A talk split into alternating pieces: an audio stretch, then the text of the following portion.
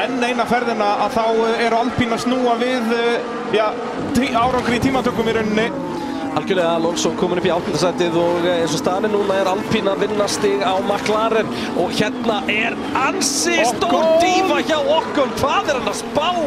Hann tapar sennilega Magnúsen fram úr sér líka eða hvað? Nei, Nei, Bara er fljótur að Schumacher. komast á gjöfina þarna en Magnúsin er ansi nála Nei!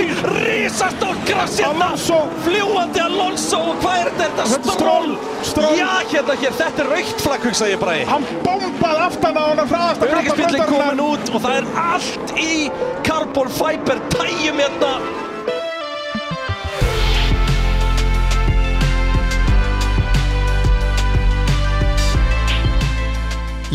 Já, nei, ég ætla að fá að stoppa það bara núna, Kristján minn. Æ, Það er bara svo leiðis. Ég talaði um það en á peterum.is uh, já, fyrir vikunni. Ertu að- strax, ertu strax að koma með það sem þú er búin að vera svo spenntur að Já, koma út af því að það er í rauninni sko new and improved intro síðan til. Trefstu mig Þannig að eh, ég, eins, og, eins og flestir vita, þá var ég í, í Það er bandaríkjónum enginn- að ferðast. Það er enginn sem gerir það svona við mig eins og þú Að ég mæti eitthvað og ég fæ fljúandi skítakamera eins og þú myndir orða Já. það Beint í smetti Beint í smetti, já, út af, ég þurfti að stoppa þig strax út af síðan, þú veist, eftir þetta intro, þá getur þú tekið pitturinn helsar. Þú veist, en við þurfum að byrja á að, að hlusta á, á nýja intro pitsins. Ah, Ertu tilbúin í já, þetta? eða? Þetta er rosalegt, sko. Svo mikið fá þetta Ladies and gentlemen, coming at you live from the NOAA Sirius Studios, it's the Christian Einar and the B Dog. And you're listening to The Pit.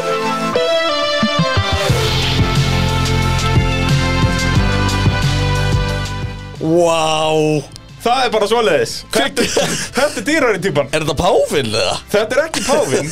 Þetta var bara barþjóðnin á hótelinu mín. Og hör- heyrður hann bara Ég heyrði bara þessa rödd Og var þetta sagði- bara svona eins og A Star is Born Bara, Já. þú fannst bara og bara eitthvað What is that voice? Það það er nákvæmlega Maður svona heyrði- Maður heyrði þetta aftur Þetta er, þetta er geggjað sko, ef maður sjá, við spólum, spólum á byrjun Ladies and gentlemen, coming at you live from the NOAA Sirius Studios, it's the Christian Einar and the B Dog. And you're listening to The Pit. Wow Þetta er rándýrt Þetta er geggjað sko Þetta sko, og þ- sagan í Og kringum auðvitað, auðvitað er þetta Einar Já, Christian Einar and the Beat Ég lagði ekki í að The láta hann Beat, segja ok. bræi eða eitthvað svona Ha, Enda heiti ég það ekki hér Nei. Það er bara svona leiðis Það er öllum drullu saman innan Braga en við elskum öll bíhendur Já, þetta er uh, dásamlegt sko. Þarna, var- þetta er sest, bara á hótelinu sem var í Pittsburgh sem er eitthvað eldgömmul bygging sem var smíðu bara fyrir einhverja munka Eðlilega varst þú þar eðlilega var ég þar uh, þar var, og barinn þar er dásamlegur sko, hann er pingu pingu lítill það er bara komast, það geta tveir sittað á barnum og svo er eitt borð fyrir tvo þannig að hann tekur fjórar manneskur þessi bar Já, góð business góða business, en barþjóðnin er algjörð legend og drikkindir hans, þú veist, hann aðeins svo mikið passion fyrir þessu sko. Já, það er ekkert skrítið ef hann þarf að búið til drikki fyrir max fjóra á kvöldi nákvæmlega, sko, það þarf bara að vera fancy Ég bara, heyrðu, ef ég ætla að hafa eitthvað að gera í vinnunni þá þarf ég að leggja allt effort í þennan G&T hérna það er bara svo leiðis og ég spottaði þessa rödd strax á fyrsta kvöldi Og hvað, og lab, ekki labbaður upp á þessum gæði og pantaði smilla? ó nei, Ó nei, það, gerði ég hann ekki. hefur hann hefur kilt í tennunar Já, hann uh, hendi eðal koktela fyrir mig alveg hægri vinstri já Allt Og- whisky based Já, mjög mikið viski-based, en svo ég er líka gin-based og eitthvað, þetta er mikið gott sko. Uh, og síðan bara eftir vaktinan sem sagt á þá laugataskvöldi, ég var hún sótaður sko. Ef við, og ég tók upp fullt af sko, Fórstu með hann samtölum upp á með hennan mann. herbyggi til að taka þetta upp Nei, við fórum niður í kjallar á hótelinu sem var eiginlega verra sko. Já. En uh, Kittur í kjallarann á barþörunum kikti kjallarinn á barþjónunum, það er bara svoleiðis og, og hann fór bara, ég tók svona stutt viðtal við hann líka sko, sem hann fór bara að segja með bara æfisögu sína og eitthvað, dásamlegt Já, Með sem þessari- að the getur soothing aldrei rödd, gert neitt við samt Já, nei, nei, ég get bara, ég get, nei, ég nenni ekki eiginlega að spila neitt að þessu, sko, þetta er, þetta er mjög krútlegt samt, sko. En the Þetta er Beatles. bara, já, og eins og ég segja, þessi, þetta er, þetta er dásamlega rödd, sko. In hospitality. Sér að hlusta á þetta? We were speaking earlier at the bar, and I recall that I said Þetta er bara, to you, ég að tala við hennir í that, uh, kjallara, sko. In the very beginning, this was just an, an ends to a means. Mér líður þessi sé að hlusta á einhverjum svona gamla upptöku af einhverju Working in legendi the industry, you learned Þetta er to enda cook. mjög noisy og eftir að laga. Mér er sko. alveg satt, nei það gera betra Waitresses make Hér mér líður þessi að more hlusta á than you einhverju do, gamlan so gauð Þú veist, You learn to wait örgulega tables. dauðan í dag, skilur And við then Þú veist, þetta er bara at eitthvað, the ég er bara búinn tables að you sjá see the einhvern bartenders. legendary They Þetta have er bara a Steve better slice McQueen of að the segja mér pie einhverja than you sögu do. Já. and they're also God because God. the number one in Þetta, þessi rödd er bartending rosaleg is- sko. Ég borgaði hann mann tvein í Böks og það sagði, hvað er með minni í kjallara og taktu upp intro fyrir podcastáttið minn og hann var bara, yes sir Þannig ég beigði þarna, hann byrjaði að þrýfa allan barinn hann þegar hann lokaði á miðnættið eða eitthvað og svo bara þessi, hjóluðu við í þetta misjón sko.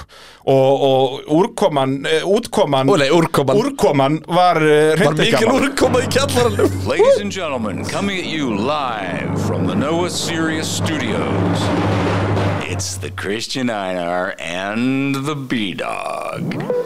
And you're listening to The Pit. Vá Hann hendur þetta í The Christian Einar Já, já, það, þú ert alltaf með grinni, þú ert Kristján Einarinn sko. Já, já, já, Það er greinarinn svoleiðis. Já, þú ert, þú ert ekki bara Kristján Einar, þú ert greinarinn Þannig að þetta var brallina veðsennast í bandaríkjunum Já, það er gott er- og gæst þessna þetta En pitturinn hilsar Já.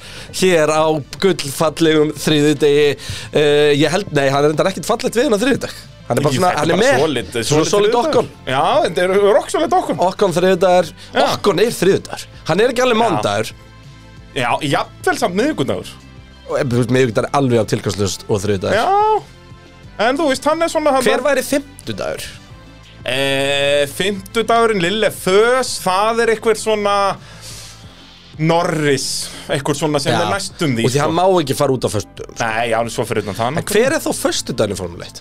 Það er náttúrulega, þá erum við með rækonennana og Alonso Hann, hann er ekki ennþá, ég vil segja, er það ekki Alonso því að þú veist, þú, þú vaknar, það er föstudagur og það er svona smá fyrringur í þér en svo veist ekkert í hvaða átt þetta fer sko. Nei, nei, það gæti farið gjössamlega Gæti- í hakk eða bara einhver stór skemmtileg vitlisa já, þú veist, þú gætir einhvern prjónað halva leiðin niður beinakafla og kóta búm og svo verið dæmdur úr kemni Já Dude, this Og- is fucking Það- bull Við þurfum að ræða Ég þessi mál Við brjálaður þurfum að ræða þessi mál, það er það sem við þurfum að gera e, Þetta Em, Eh, en- er sjálfsögðu en allt Bottas- saman e, í Bot- þægilegu samstarfi Herri, við erum ekki búin að ræða vikudagana Bottas er þægilegu sunnudagur með, Stoppar mitt plögg hérna, þetta er agalegt með uh, Er Bottasinn hvað segir, miðgudagur? nei, sunnudagur Já, þægilegur í sánunu og Það- með afréttara Ú, já, heyrðu, vá. með afréttara Vá, hvað þetta er gott og punkt. það er bara frábært að minnast á að botta sinni sunnudagur því að á, uh, ég er þægilegu samstarfi við pitni til dæmis Viaplay sem er gott að horfa Búm. okkar á sunnudu heldur betur og Ólís og Arena og Dominos og Kaldi og Bóðleið og Verkværasalan Þetta er allt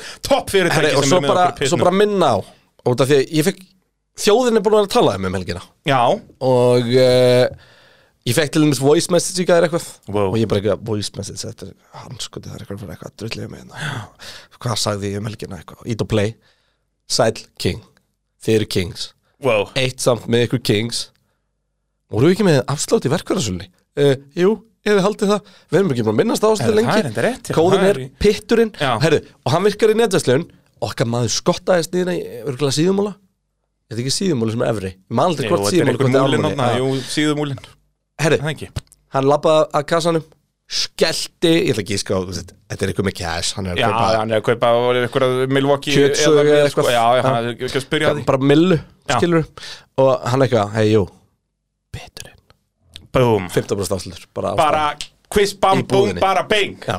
Ekki Djöfnsis flókið. helvítis veist það Herri, maður sagan segir svo, Já, og ég reyndar ekki með að staðfest Nei. að hann hafi skottast nýr ólís fengið bara, þú veist bensinnið miklu ódýra já, og auðvitað þannig er vinahopnum vinna á pitsins, muna þá fann nú Já, já, hópurinn Pitturinn, vinahopnum.ólís.is sko. hópurinn pitturinn Bara bing pikka svo upp uh, Ostober uh, pizzu Ah. á Domino's með 40% afsluti framhaldi með kóðan og pittur þú veist, málið er það, ég, veist sko, ég er að spæði að fara að gera ég er að spæði bara allstara sem ég lappin Já. að prófa bara að segja pitturinn Já. sjá hvað gerist, ég færi okkur afslut Það hljóta að gerast einhverju góðir hlutir Já, sko. 100%. Það er bara, ertu búin að smakka þessar ostapítsur en Herni, Dominos, ég var bara eftir að gera það Þetta er, ég ég er hjólaði bara í að panta þetta tvisvar á Domino's og ekki búin að fatta það Þetta var alveg, þetta stoppaði alla slagari líkamannum og í samtundi að gera þetta aftur sko. Hvaða- Þetta var hvaða var dásamlegt það? sko. Það var þessi setni, hvað heitir hún?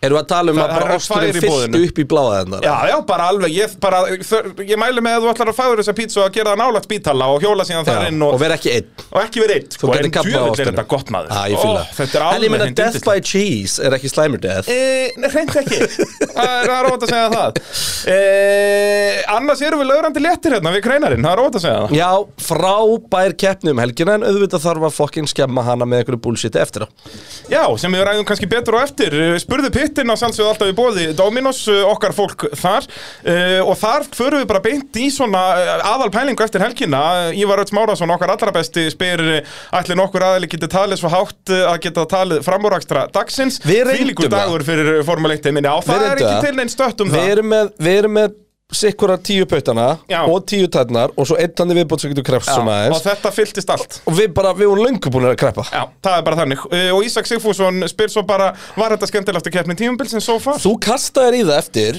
ö, í útsettingunni og svo Já. rættu við það eftir á og vorum eitthvað veltið eitthvað, var Silveston betri? Nei, sannleik, það sem var svo skemmtilegt við þessa keppni var að það var bullandi aksjón allstar Heru, og eitt ógslag fyndið, ég svo ógslag mikið diss á hérna útsendinguna sem er nú mjög reglulegt í formuleitt mm -hmm. ég upplýði það ekki, það var bara svo mikið að gerast út um allt að það var aldrei hægt að ná öllu Já, ég, allavega, já, svona live var ekkert sem böggaði mig, sko. Nei og þú veist, ö, reynda var eitthvað slagur hann í restina sem ég sáum ekki sem var held ég Já, þeir voru allir svona fjórir í hóp, hann Albon og Gastlí og Já, Fettel og, Nor og... var Norris Alonso slagurinn Já, alveg rétt. Við mistum á honum Já, Þegar Og Norris- hann var veist Nor- eitthvað Norris- geggjaði framarakstur í sko tætstöfunu En þú veist, þá náttúrulega, en það var hálf sekunda á milli fyrst og annars endis. Já og þú verður alltaf, minna, þú veist, Red Bull voru að vera heimsmeistar og þú verður að sína Max komu við línuna sko Já, já, já. það er Þanga til náttúrulega að þú alltaf skiptir þannig, yfir á verður Tim alltaf- Cook hann að Oh my lord. Þú veist, ef að þetta er effortið sem er að fara inn í iPhone-in þá er ég að fara yfir í Samsung sko Já, það er einn spurningin hérna, hvort er meira óspennandi, nýja iPhone 14 eða Tim Cook á uh, köflóttafánanum, spurði Andri Örn.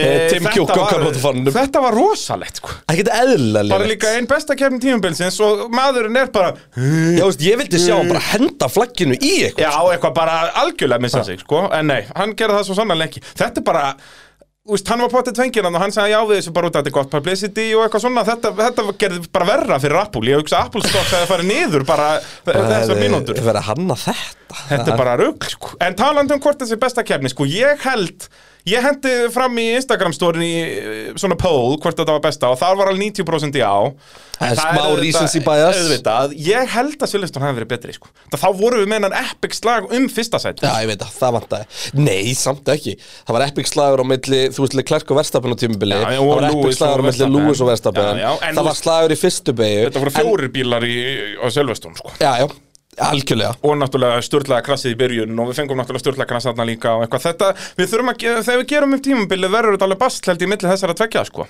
Já, Það en, venja það er, betri. en þá setjum við þetta í hendur fólksins Já, já Og náttúrulega reynum að að meta þetta svolítið sjálfur líka Það er bara svolítið talandi um gilda bíhundin Sástu þarna mock-up eða bolnum Heyrðu, já, Sátti býtu, honum- hvað, eh, er fólk búið að sjá þetta? eða? Nei. Nei, þú sendir mér mynd af, af sem skilta bíhundnum á ból Það var geðvikt sem er hreint ekki að málega pakki Eina bara er að við nennum ekki frá aftur í stærðir Þannig að við erum allum aldrei aftur að Þurfum gera að, bóli þurfum að henda þessu í Við erum að vinna í derhúr Nei, Já. þú veist, gildi bíhundin Þetta var bara svo cool svona Við þurfum sjá bara- til, við sjá til Þetta þurfum var að fá það trúð töff Til að gera alvöru gilda bíhunda, það er bara svolítið Já, þannig að ef að þú, hlustandi ykkur, ert trúður Já.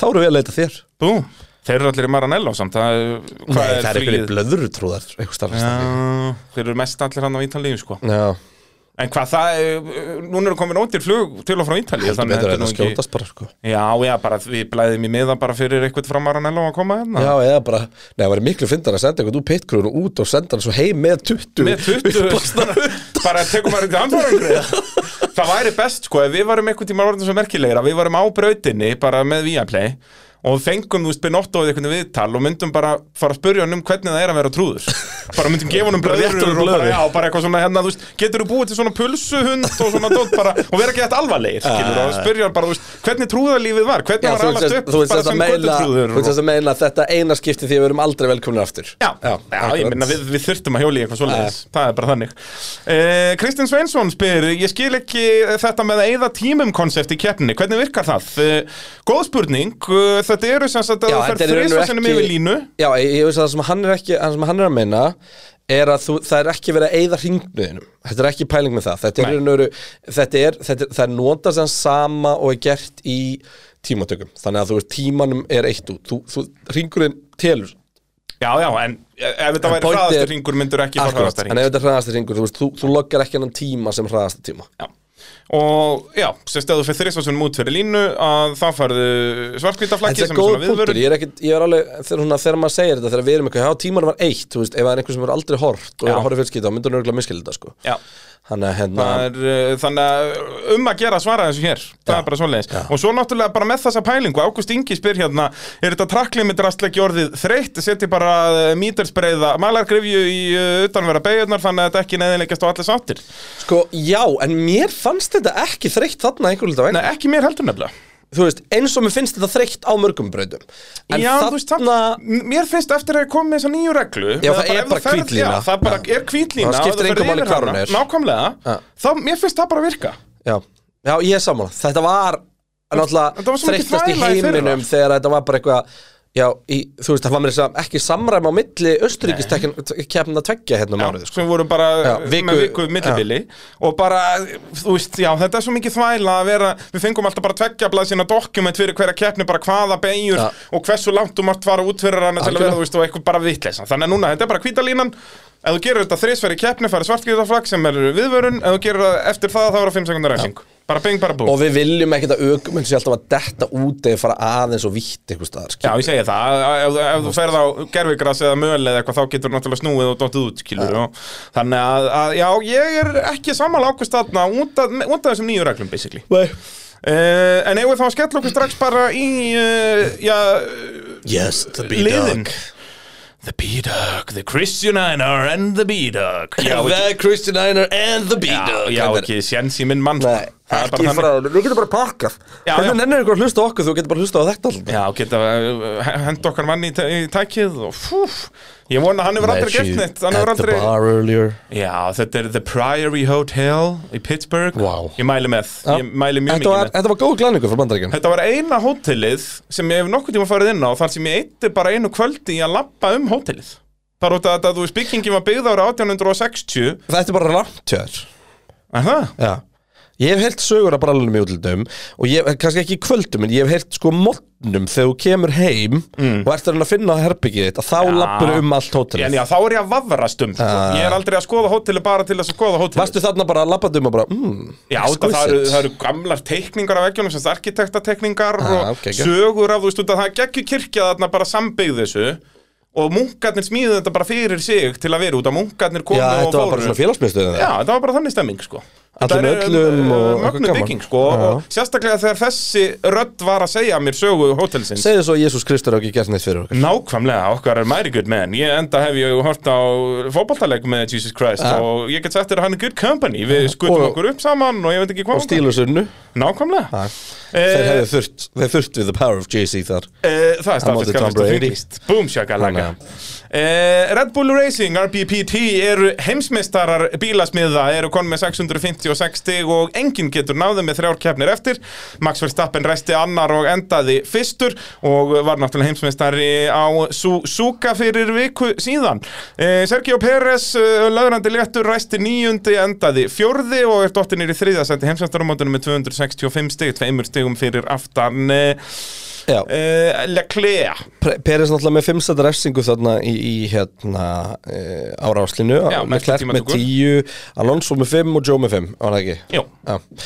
Og býtu, já, okkur rest svo á þjónusvæðinu út í að hann sökkaði Já. í tímandökum En hérna En sko, ef við byrjum bara á þessum tímatökum Sindri Hlíðar spyr, hvað var málið með uppbytunurringinni á Maxi tímatökum? Hann var bara ekki að ná dekkjunum inn Þannig að hann var bara að prófa alla leiðir og þetta var grannlega það sem við erum mest að trúa á Það Em, fara Um, ég meina, bara við sáum tvo hann- ógeðslega hægar ringi Já, við sáum hann í Q2 fara bara sjálfur, bara vennilega og við sáum hann í, í, í Q3 fara hérna fyrst út á skrúpuðum dekkjum sem hann búin að fara eitt ring á til þess að skrúpa og svo reyna þetta, þannig að hérna Minna, við vorum bara að sjá þetta í æfingum að, að aukumum voru að gera þetta, mm voru að prófa sig áfram og, og þetta reyndist bara að vera, vera málið og það sem var kannski áhugavert og við komum inn á, eða við getum sem byrjað að ræða núna, var að Ég vil menna þetta að vera ömuleg helgi fyrir Ferrari Því ég held að Ferrari hafi verið betur en Red Já Leclerc af- fór lengra hraðar í fyrsta stendinu á Já, fyrsta en gangun ekki Setni seinna gangur hann stundin. ekki var svona jafnari og, og, og þú veist og, og þannig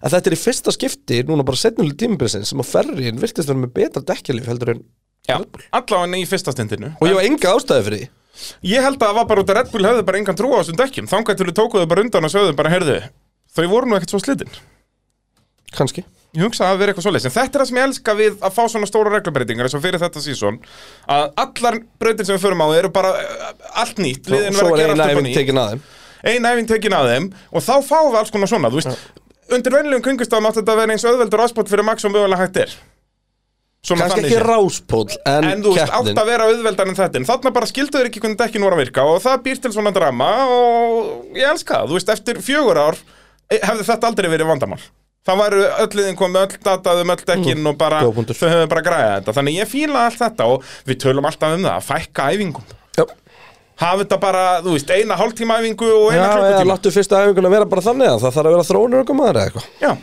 Þú veist, Þannig að geta safnað einhverju dataskilur um uh, hörðutekkin koma svona langt Mm. og jæra, jæra, jæra en ekkert að að neinu vitið um tímatökur og eitthvað og bara, Mm. já, mögulega undan þá á nýjum brautum Þú veist, alltaf lefa aukumunum að læra þér já.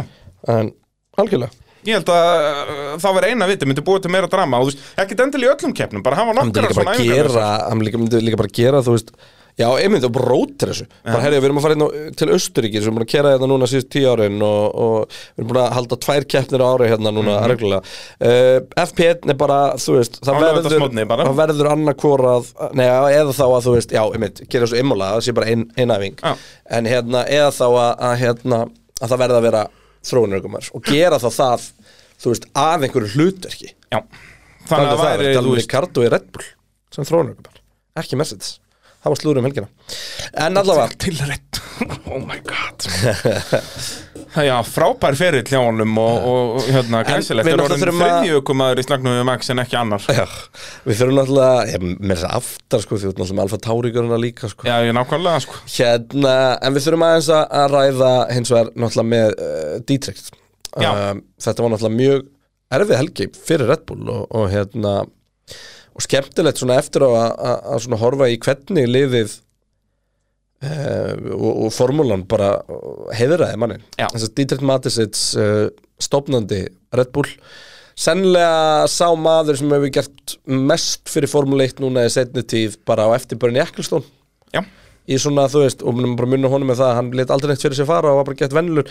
þú, þú veist, fólk sem lýsur hann og lýsur hann sem, þú veist, þú veist, þeir leið aldrei svo væri eitthvað nálægt einhverjum trilljarna manni, þú veist, það var engin Lorenz Strollatna, sko, nei, nei, hann bara uh, mjög humble og bara down to earth og ef þú skoða keppna því, ég tók ég eftir þessu á, í keppni en sem sagt uh, allt Red Bull-liði var í Gallabuksu á Aha. sumudeginu, til að heiðra hann já, því hann var alltaf í og það Gallabuksu var alltaf í galabuxum, það er þetta hrepp og kúl Mér finnst það gegja, Já. og þú veist, og það var ekki mínundu þögg, það var Rolling Stones því, hann var Rolling Stones fan og Já, þú og veist, allt svona, og sprauta kampaðinni og hérna, mínútu klapp hérna, af- af- af- sem formúlan gerði fyrir og allt svona og, þú veist, Einmitt. og talandi bara um hvað hann hefur gert fyrir- fyrir formúluna þú veist, bara f- hann er einn af þeim já sem hefur gert hvað mest fyrir formúluna ég myndi segja að fyrir motorsport er hann sennilega bara maðurinn sem hefur gert mest af öllum hann ber, já, nákvæmlega, og bara jaðaríþróttir já, bara jáðar íþróttir, bara já, ég segi það ekki endilega Ég vissi ekki að Red Bull væri svona ógeinslega gamall líka. Þú veist, þetta er stopna 80 eitthvað sko. Já.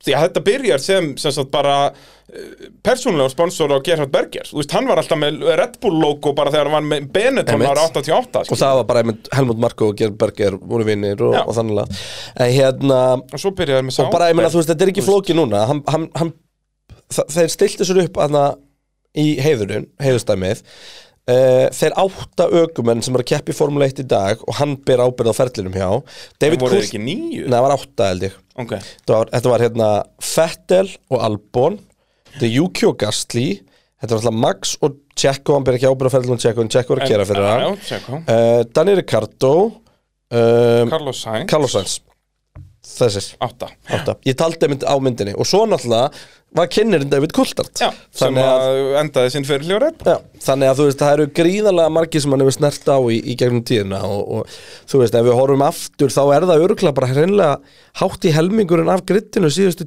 þú veist, 10-15 árin sko. Algjörlega Og bara, og bjarga tveimur liðum, endurveikur östuríkiskapasturinn og svo eins og þú segir með hérna, þú veist, sama hvort að það er í, í neðri mótaröðum, í sportbílum, í rally í mótur, mótuhjólum þú veist, það er reddbúl Snjóbretti, allstar já, og svo allar, og svo, og bara- og svo út fyrir íþróttir sem við höfum ekkert vita á. já, já, þú veist, og tvö fótboltalið já Þú veist. Tvöni, fleiri er ekki Salzburg og, og, og Red Bull New York Salzburg, Leipzig, uh, það er Red Leipzig Bull líka. New York Já. Þú veist, það er bara endalaust sko. Já. Og ábygglega fleiri ég glemdi Leipzig að bara þvílíka brandið og, og þvílíkur maður já. hvað var það, 78 Já, og ég veit ekki, ég var að tala um þetta að væri búin að vera löngu erfi veikindi eða svo leiðis Ég veist mér ekki hugmyndum út því að hann var ekki fyrir sviðsljósið Nei, nei, hann var, létt bara Helmut Marko vera í því að, hérna, en- meðan hann var bara heima Og í náttúrulega, þú kastalanum. veist, gefur bara gaur eins og hornir sén snemma og, og náttúrulega, þú veist, að bara geggjaði gæi Það er óvægt að Og það, segja það, einhvern veginn, svona, það, er, það virðist að hafa verið bara svolítið svona bara almennt bara um það að tala, bara þetta er geggjaði gæi skilurðu. Hann var, ekki, hann var ekki með mikið bíf svona með við hvað hann er powerful að þá var hann í merkilega litlu bífið við uh, alls konar fólk Já, en það sáum Helmut og, og Kristján svolítið um það Já, hann, uh, þeir, þeir uh, taka skellin og náttúrulega geggja að Red Bull ná að tryggja sér titilin helgina sem hann deyr, þetta er náttúrulega bara tilkynnt hvað bara klukkutími fyrir tímatökur Við, hvað, ég, við erum ekki komnu með fítið þegar ég segi við, heyrðu, það er eitthvað mikið að gera svona á Twitter alveg rétt við, og það er á milli æfinga þrjú og tímataka við erum bara komið mat Já, já, þetta er svona kannski einum og hálfum fyrir, uh, fyrir tímatökur Já. Það er bara þannig uh, En uh, on with the show uh, Thomas Karl spyr Hvernig fór Max að því að vera svona fljótur á þessum medium í endan? Uh, þetta var náttúrulega geggjukefni Tveggjastoppa kefnir eru alltaf dásamlegar og þá fáið þess að slægi þar sem allir eru á mismunandi dekkjum Já. og þá er auðvelt að taka fram úr á bjánalegum stöðum þá er þetta ekki allt bara DRS framúrakstara þegar það eru þú veist 0,1 sekunda á millinni alla bíla í hraða heldur er kannski einhver bíl sem er 3 sekundum að ring hraðar en hinn og þá getur þú tekið fettil á þetta þú veist utan á í gegnum lokabeyðunar og eitthvað svona geggjadæmi sko Við viljum síðast í framræðastur í geggja þegar að missa hann á leiðir í gegn Já, sko. er utan á að slæta að taka fram úr Magnúsen, sko. Litla dæmið, sko.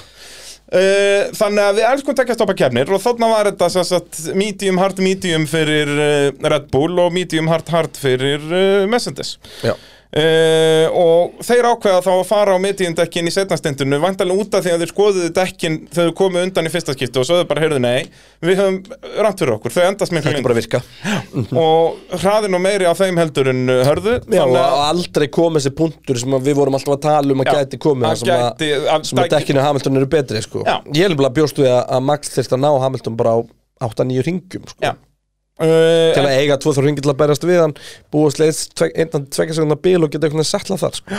en hann endar með 5 sekundar bíl sko.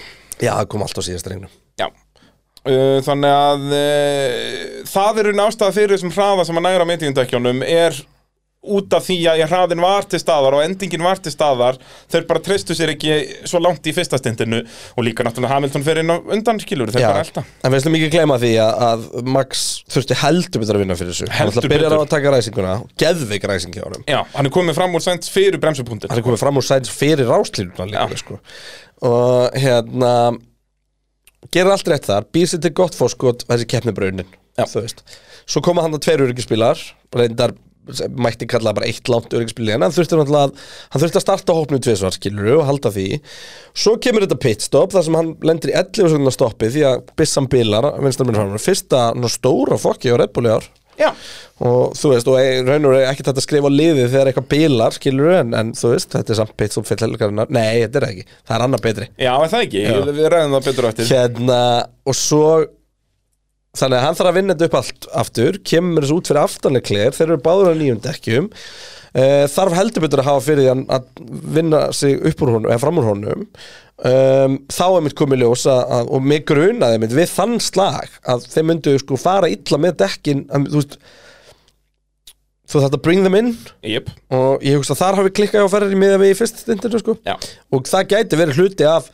því af hverju ferriðin er að fara svona illa með dekkin er að þeir eru alltaf að reyna að berjast í byrjun og e, fara verð með þau þar en allavega, og svo Max þarf að vinna sig hann upp hópinn og, og ná Hamilton og, og passa hann og gerir þetta allt saman og bara innsigla þetta þú veist, eina sem er úr- eitthvað út á Max að setja í þessari keppni og er þessi pyrringu við liðið Þú veist, hann er orðin heimsmeistari og það verður eitthvað fokk en þetta er bara, Bara hitta þetta er leiksins. bara þessi stöppu geðviki sem er ástæðan fyrir því að hann er að var að jafna með Schumacher og, og Fettel sko Jep.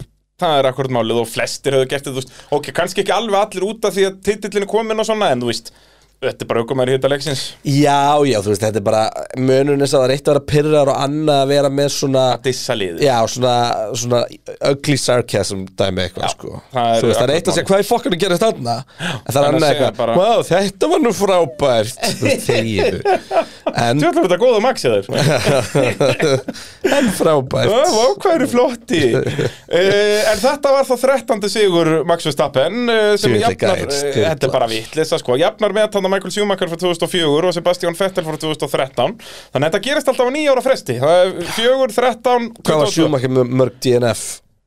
Eh, árið 2004 Já. eh, Þau voru ekki mörg sko, eh, Örn Bræði Þórðarsson spyr Þið eru bestir Hann segir Takk, okkur hann það spyr því. Já, hann er líka Góð með spurning. geggja, geggja nafn sko. Hann er Eagle Bræði Þórðarsson sko. Það er hindi ekki amalega Það er mjög gott Eh, En hvað voru margar keppnir það ár sem að Michael Schumacher vann 13 keppnir raunin tímabili? Þær voru 18 Já. og svo voru 19 tímabili sem Fettel vinnur Þannig Hvað er að, 22 ár? Já. en ég menn hann er búin að ná þessu á 19 Já, Þú veist, þannig að hann er og búinn- hann var með 2 DNF í byrjun sko Já, þannig að uh, ansi hreint eh, geggjaðar árangur og síðan ég fór að grafa eins í uh, startbækurnar sem að mér þykir nú alltaf gaman af Verstappen er fyrstu ökumöðunum til að vinna tvisasunum í bandaríkjunum á sama tímabili síðan Alan Jones gerði það árið 1981 Já. þegar hann vann á Long Beach og Las Vegas Já. uh, Bara geðvikt góður þessa helgina En er hann ekki að nálga stiga með þetta líka? Jú, svo er það líka að hann þarf bara 23 stig til að bæta með flest stig á einu tímabili Þannig að hann bæti það, staðfest Já, það er bara staðfest og getur gert það með sigri í Mexiko Hann er ekki að fara að vinna Mexiko Er Tjekko að fara að taka það? Já. Eitt sem að Tjekko er ekki að fara að gera í Mexiko og það er endi þriðansendi Nei, hann gerir það ekki það, Þú sendir mér þetta á Messenger Já. Tjekko hefur aldrei á þessu tímabili endaði þriðansendi Já. Hvaða vitlega að fólk, sko, ef að fólk er í svona spátumskeppnum eins og við þá vitið þið það, aldrei setja Tjekko í þriða Hann er bara annað, fyrsta eða fjóða Já, eða fynda eða sjónda Já, eða, já Það er bara, mér finnst þetta alveg fárálega staðarind út af því að hann er reglulega á velunarpalli og svona en- Þetta segir okkur það bara, hann vinnur aldrei annan ferrarinn Nei, Hann er hvort vinnur hann báða báða að engan Já, það er Það segir okkur líka, þú veist, hvað munurinn á honum Max er mikill og hvað er miklu minni munur á Sainz og, og Leclerc sko. Já. Fyrir þetta hvað Leclerc er miklu betri En Sainz, Já. það er líka önnur störlu staðarind Uh, Sainz er svo ökumæður sem hefur keirt fæsta ringi á þessu tímabili Ég sendi það líka Það er, uh, það er störlað Já. að, Og þetta er í annars skiptið á tímabilinu Hann sem að hann kemst kláraði- bara einn ring í tveimur keppnum í röð Hann kláraði 99,3% ringja í fyrra Já, núna er hann búin með hvað, 73%, 73% eða eitthvað. eitthvað já. En mér mér finnst þetta líka störlu staðarind að þetta er í annars skiptið á tímabilinu sem að tvær keppni í röð kemst hann samtals einn ring Já. Það er Ástralía og Imola Já. Það er bara, þetta er bara vitleysa Hvað gerist aftur í Im- hjá Imola? Hann, ke- hérna, Ricardo ker eftir hann Alveg Fyrstu rétt, alveg rétt, alveg rétt, það var ekki honum að kenna Nei, en það var samt aftur svolítið eins og hér sko. Já, þú veist, Minna, þetta var meira hérna Já. En Sainz var ekki klókur hann Nei, alls ekki Þú veist, hann Á Hann að vita tekur- betur, hann hann á að tekur vita að þessa það gæti bíl línu. komið að maður, sko Já, og, þú veist, hann te- og sko, Russell gerir mistök en Það skrifast á Russell Ég var Algjörlega, og strax ég, í ég sammála refsingunni Ég er nefnilega ekki viss sko Jú, Á fyrsta ring já, þetta var svo blöðrulegt, sko Já, jú, hann tíbónar hann sko Hann tíbónar hann, sko En á sama tíma þá, mér finnst þetta ekki vera svona clear cut eins og fyrstir ég hugsaði þetta Með þú veist, Um leið að ég fór að sjá bremsar og til Já, að beigja til vinstri, skilur þú veist, Hann kemur í áttina inn í þessa línu Já En þú veist, það er erfitt að meta þetta ekki Hvort að mig. það sé sent sem er að nálgast Russell Þú veist, eins og sé, þetta var bara svo blöðurlegt hjá Russell En auðvitað, þú veist, dómarinn er eiga að vera meira líni En það fyrsta ring En mér stöndar samt 5 sekundar eftir awareness hjá Sainz var ekki gott alveg sko Nei, það er, uh, það er akkurat málið uh, Þetta var áttundi sigur Red Bull í röð Þannig að þau þurfa einni í viðbót til að jafna sitt eigið met frá 2013 Þegar að Fettel uh, bara tók það sjálfur að taka nýju kemnir röð Uh, en Paldi, manstu, ég var talað um þetta fyrra tímabunum líka, þeir voru búin að vinna sex keppnir í röð Já. síðan bara kom Austuríki og síðan hafa þær haldið áfram að vinna átta keppnir í röð. þetta er bara vitleysa sko Algjörlega Þannig að, eh, já, ég myndi nú telja það bara mjög líklegt að ná að jafna sér degi mitt og þeir gætu jafnað oldtæmiti, maður klarið ná 11 síra í röð Engin velum til að gíska hvaða ár það er Eh, Þú Þú veist hvaða bíll það er Það eh, er þarna. 88 Já, MP44 uh, Ég var að djóka sko Já, ok, já, við, eh, síðast Fa- Fannst þér þetta uh, uh, uh, uh, ekki hljóma eins og ég væri Jú, en bara síðast því spurði, varst ekki viss hvernig MP44 var Nei, og því mér fannst allt í einu sem var 89, ég bara glæðist En Það er, hérna, eh, Þannig að það voru Senna og Prost þarna að vinna 11 keppnir í röð. þeir voru svolítið góðir Þeir voru pínu góðir, sko Þeir áttu að vinna 100% kefna Já, það var bara, Senna var að ringa eitthvað lúða og var bombað á hann Hann okkurnaðan Það- Hérna, Wow, what a goddamn phrase hérna Erum við búin með Red Bull eða? Ég held það sko Það langar mér bara að minnast á eitt Ok Tjöfill var gaman að sjá myndir úr að reyna maður Við tölum um það þegar, á, aftur þegar við tölum um Ok, að reyna við skal gera Það er, Þetta er bara, þetta en er nú meðist ætlum- að mikilvægast hlutur helgar Já, heldur betur, en fyrst ætlum við að tala um verkværasöluna og það eru náttúrulega pitstopfeil helgarinnar og eins og vorum að tala um áðan uh, vaffs.is uh, notið, hvað, er það kóðin pitturinn? eða Kóðinn hvernig virkar pitturinn. þetta? Já, og þá fáið afslátt og það eru líka bara, ef þið- ef þið farið inn á heimasíðun þá sjáuð þið allar tilbásvörurnar, það er alltaf mismunandi tilbásvörur í gangi á þeim og þetta er bara uh, dásamlega veslun, verkværasalan uh, okkar fólk, en pitstopfeil helgarinnar, við tölum um að það gæti nú verið Red Bull, en verður það ekki verið Aston Eh, Martin? Já, út í að þeir missa bílinn og eitthvað svona Já, Þetta er og ógstofnlega líka, ég, spó, ég saði Í því fyrra, útsetningunni, já. ég spottaði það í Það er átt að fyrrastoppinu fara beint í varatjekkin Já, út af því að bílinn hallaði í fyrrastoppinu sko. og ef maður horfur að keppin aftur, það, er, það var svo leiðis Það er rétt hjá þér Þannig að, hérna, vel auðalegt hjá þeim og það náttúrulega endar á að kosta Fettel allavega eitt sæti ef ekki tvö En Fettal hefði náttúrulega bara verið eftir Verstappen Russell kostaði hann engin sæti en það var Þú vil náttúrulega lera bara fólk sem- Aston orðin góður, ef við tölum um hún á eftir Já, heldur betur maður og bara,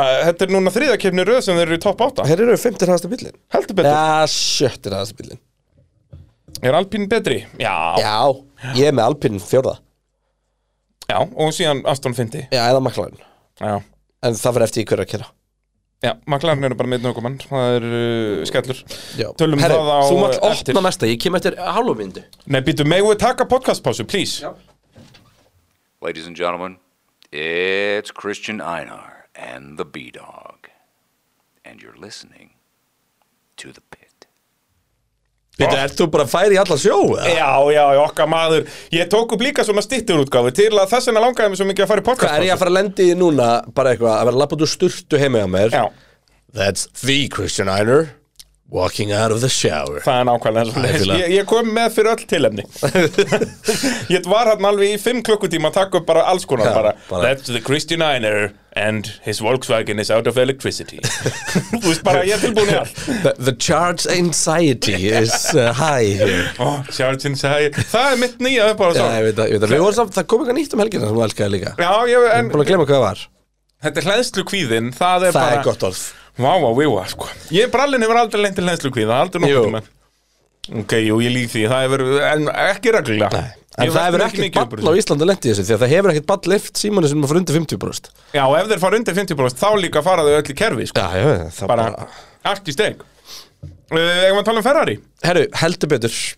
Annars ætti heimsmestramóti. Ég er að borða tóbak, Já, sko, heyrðu það er- það. Það er skellur með nóga Eh, serið Chelsea Clerk, hann var annar í tímatökum en fekk tíu sætta refsingu þannig að hann ræði sér tólti uh, klárað þriðji, Carlos Sainz ræði sér fyrstur kemst uh, 100 metra og er svo úti Heldur betur og Leclerc komin upp í annað sendi heimsættarmótun eins og tölum um áðan Sænts núna 50 og er bara, hvað, hann er bara fjórum stegum eftir Hamilton Nei, og Eh, undan, undan Hamilton, Hamilton, Hamilton já. já. Þannig að Ha- Hamilton er bara mættur inn í slag Hann er núna bara tíu stegum eftir liðsfélagunum Þannig að eh, þetta er áhugavert Eh, eins og vorum Hamilton að- enda fyrir ofan Russell voru við ekki með eitthvað, einhver tíman í einhverju þætti og sögðu þetta og ég sagði Hamilton endar á undan og þú sagði nei Russell endar á undan Geti verið Ná, Hamilton er bara að banka með einhverju meira sko. Já Hamilton bara- er bara búin að sína, og þú veist, mér finnst Russell bara orðin pínu mediocre svona settilu tímabilsins Já, já það verður gaman nefnilega að fara yfir þetta í lóktíðumbils að einmitt fara yfir þetta, þú veist, út að ég samanlega þér en bara hvað, er, hvað gerist hjá Russell, þú veist, við erum náttúrulega mikið að fara á brautir núna sem að eru Hamilton brautir, en það er ekki Hamilton er bara alltaf það samt. störtlaði sennu hlutan sko.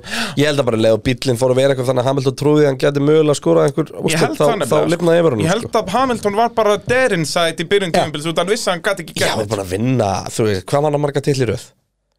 17, Ekki- 18, ekki svo 19, marga. 20 og svo hann vinnur fjóra í röð og svo, og þú veist náttúrulega missir að 16 og vinnur 15 og 14 því, hann er búin að vinna 6 titla á 8 árum Jep. og svo allt er hann á bíl sem hann getur ekki barist um sigur Já.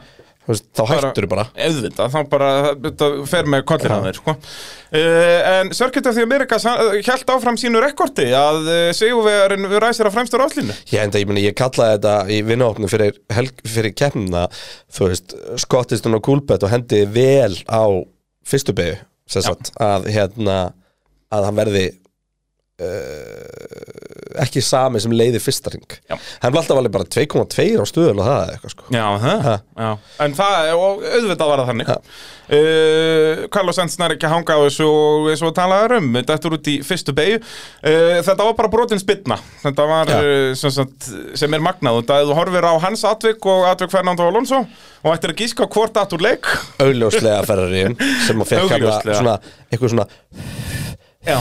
inn í hliðina á honum á, þú veist, 80 km hraða Ég ekki, ég heldur að sé það svo hratt hann náttúrulega er að stoppa þarna til þess Já. að ná þessu Já, þeir, ég held að venjulega fara í gegn beigjan á svona 100 þannig að Já, það og verður líka, þú 80. veist, og þetta er framvængur sem rekst í, þetta er ekki, Já, ég segi það. þetta er ekki, þú veist, En þetta er vissulega sprungið dekk nefið, hefði verið, sko. nei, nefi fór ekki í dekkið. Jú, eiginlega þú Er veist, það? að, sest, Miðjan á vangnum í rauninni skilur, Þetta var ekki bara endin út að þá hafði náttúrulega vangurum brotnað sko. Elska mómentið þegar þú myndist á það, og auðvitað er Fernando Alonso að reyna að stýra.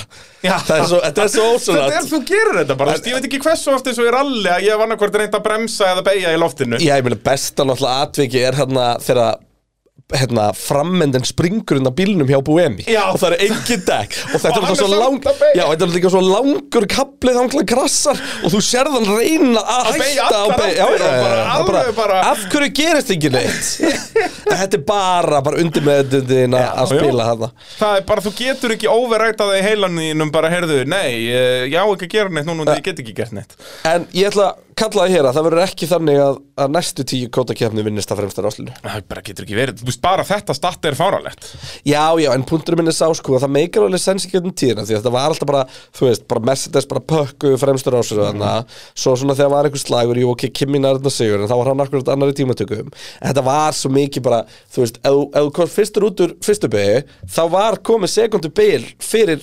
DRS-kaplan á þeim Já, hring, sko. nú veist ekki 12 að 13 Þú veist, fyrsta kefnandi 12, það var nú heldur betur áhugaverð síðan Já, algjörlega, Þetta turbo algjörlega. hybrid árin, jú, já, þetta meikar svo sem alveg sens Mér finnst þetta samt störtlust aðrind Já, Það er bara þannig. Margrét Átnardóttir spyr, eh, kláruðist ekki nálega klerk eftir baráttan og Max, eh, hann hvarf bara. Þetta er nefnilega áhugavert, þú, veist, þú talar um áðan að Ferrari hafði hugsanlega verið hraðar Red Bullinni eða Ég myndi ekki alveg fara kannski svo langt, en eh, þú veist, eins og með setna stindi, þá held ég að það hafi verið málið. Hann eitti of mikið að dekkjónum til að byrja með í stindinu, Já. þannig að hann átti ekkert eftir, þú veist, hann endar hann alveg vel á eftir Hamilton. Þú veist, hann var aldrei í þeimslag. Nei, já, já Þú veist, ég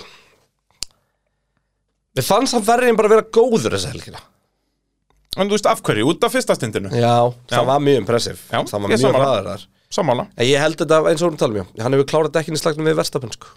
Og það gæti líka verið bara vandamáli eins og þú talar um áðan e- Yfir allt sísonið er það bara Þegar, búið að og, vera og, og akkilis það er kannski eina breytingin sem varð frá byrjun tímubils þegar að dekkin voru bara best á ferrinum mm Mhm. og bara þurftu að minna fyrir þessu Já, eins og þú veist Ástralía bara Þú veist það er svo skrítið Ef þú myndir horfa á Ástralíu kapakturinn núna Já, Þú myndir meikar halda ekkert að sens. þetta væri bara annað tímabil sko.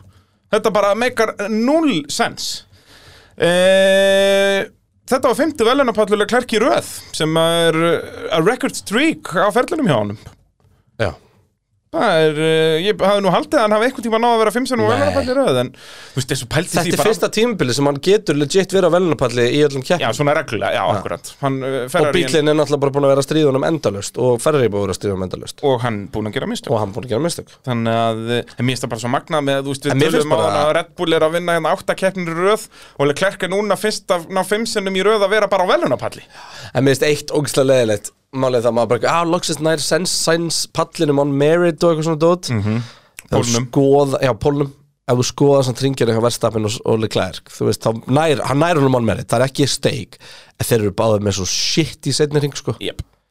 Þú veist, Ég horfði bara á Vestapen ringin hann var set shit í allan- já, hann Leclerc var- var breins, hann var bara dansandi út um alla braut Hann og- talaði um það líka Ja. bara, there was a shit lap að, hérna, Þannig að, jú, jú, Þannig að Sainz, jú, gerði vel í erfiðum aðstæðum já og það er náttúrulega búið að perist sænslegt, skilur það bara keira bara sinn sólit ring, þannig ef einhver aðri klikka þá, þetta er bara svona þetta er, þetta er þólægstu Já, stemning já, en ég minna það er uh, skila sér í einum og einum pól og einum og einum séri, það er bara þannig uh, eins og talaður um áðan, þá eru að reyna heimaðallur pitsins, dögum mínur og herrar og litla stemmingin núna kvöldkeppnar, núna næstu keppnir þetta verður svo mikið Við erum að tala um að það voru bara 200 okkar manns þarna Já, það var bara, þú þurftur að mæta klukkutíma fyrir uh, Nei, keppni nei, það bara. er búið að gera svo mikið pláss sko Er það Já, svona, já. það var fólk ekkert að Maður það þarf voru að, reyndar maður þarf að allir í hafa smá sætum. þólimaði fyrir eldúsinu Já. Það er bara náttúrulega, þú veist, það eru 200 manns að mæta og panta á sama tíma Já, sko venjulega eru 15-20 En mér skilst að byðin hafa ekki einu sinni farið upp í hálftíma sko Eftir pítsu Þannig Nei, að það er ekki þetta- að gráta við því sko Gekkja dæmi, sko, Ég og var að- eins og ég segi, störluð stemmingan Já, ég var að kvísla um að, að sko Ég var svona að spáið, þú veist, hvað væri svona optimum mexikoskur kvöldmatur fyrir bíhundin til þess að við myndum búið Já. Ah, til bíhundstilbúðið Það verður að vera eitthvað Tvö nachos skota shit. tequila, Auðvitað einn bjór Já og bara, þú veist, nachos og einhver salsasós og bónus Getur ekki klikkað? bara beint úr pókanum Bara beint úr pókanum Það- Þannig vil bara hann hafa ekki einu sinni hita hann upp sko. Nei, nei, nei, nei, nei, Það er, ég er ekki svona fancy pants sko Verða með heita natsjósósu, nei, nei, nei, nei, ekki fyrir mig ekki, það er fyrir, það er fyrir einhver aðra Já, þetta er hérna djöfusi stemming og ég get ekki beðið eftir eh, hvernig stemmingin verður hérna fyrir mexikoska kappaksturinn já, og svo náttúrulega þeirra brasileir, þá verðum við með Pit in Life 12. november, Já, við þurfum að er það fara að ekki plana eitthvað staðfest? þar, við þurfum að fara að ákveða hvað við ætlum að gera, sko Já, við getum, já, við þurfum að hafa eitthvað prógram með að við læðum ímislítið áskosandi, það var skemmtilegt þar, sko Já, þannig að, var skemmtilegt þar það var geðaukt En ég, af hverju, sko, af næstu, hverju ertu komin á takkan? sko, næstu helgi þá langar mér að heyra í útsendinguna að þeir breyta þins þemalæginu, sko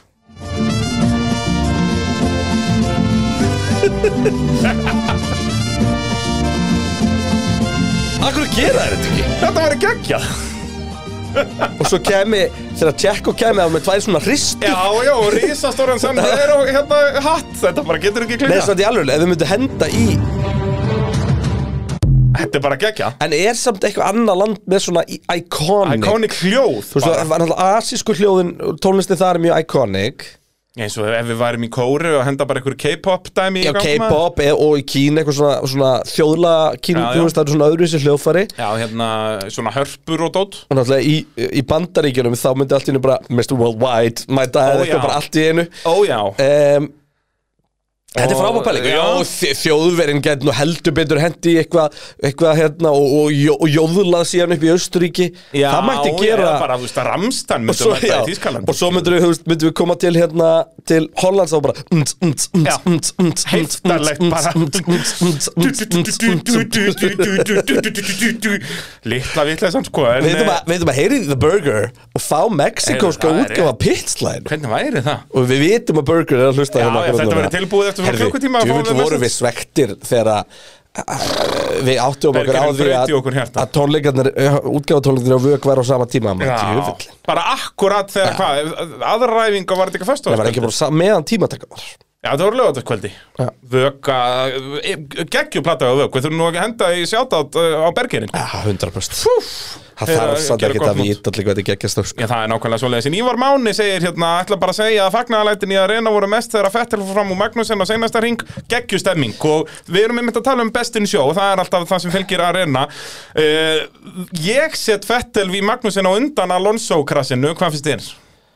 Áttu klippuna þegar af þessu Þegar ég, þú veist, mér langar svo alltaf að heyra aftur Hvað já. sagði ég þegar flaggið fór Uh, ég er ekki með hann að ég, ég geti fundið hann hugsanlega. hend, Kanski eh, hendurinn hér Heyrðu, jú, ég held að ég sé búin að finna þetta. Vá, þetta hljóma eins og hann draður með þetta Red Bull heimsmeistara bílasmiða 2022 Fyrsti Þetta titill var svo þeirra geggjaði lokarhingir aðna, sko, þannig er þeir allir að koma við línuna.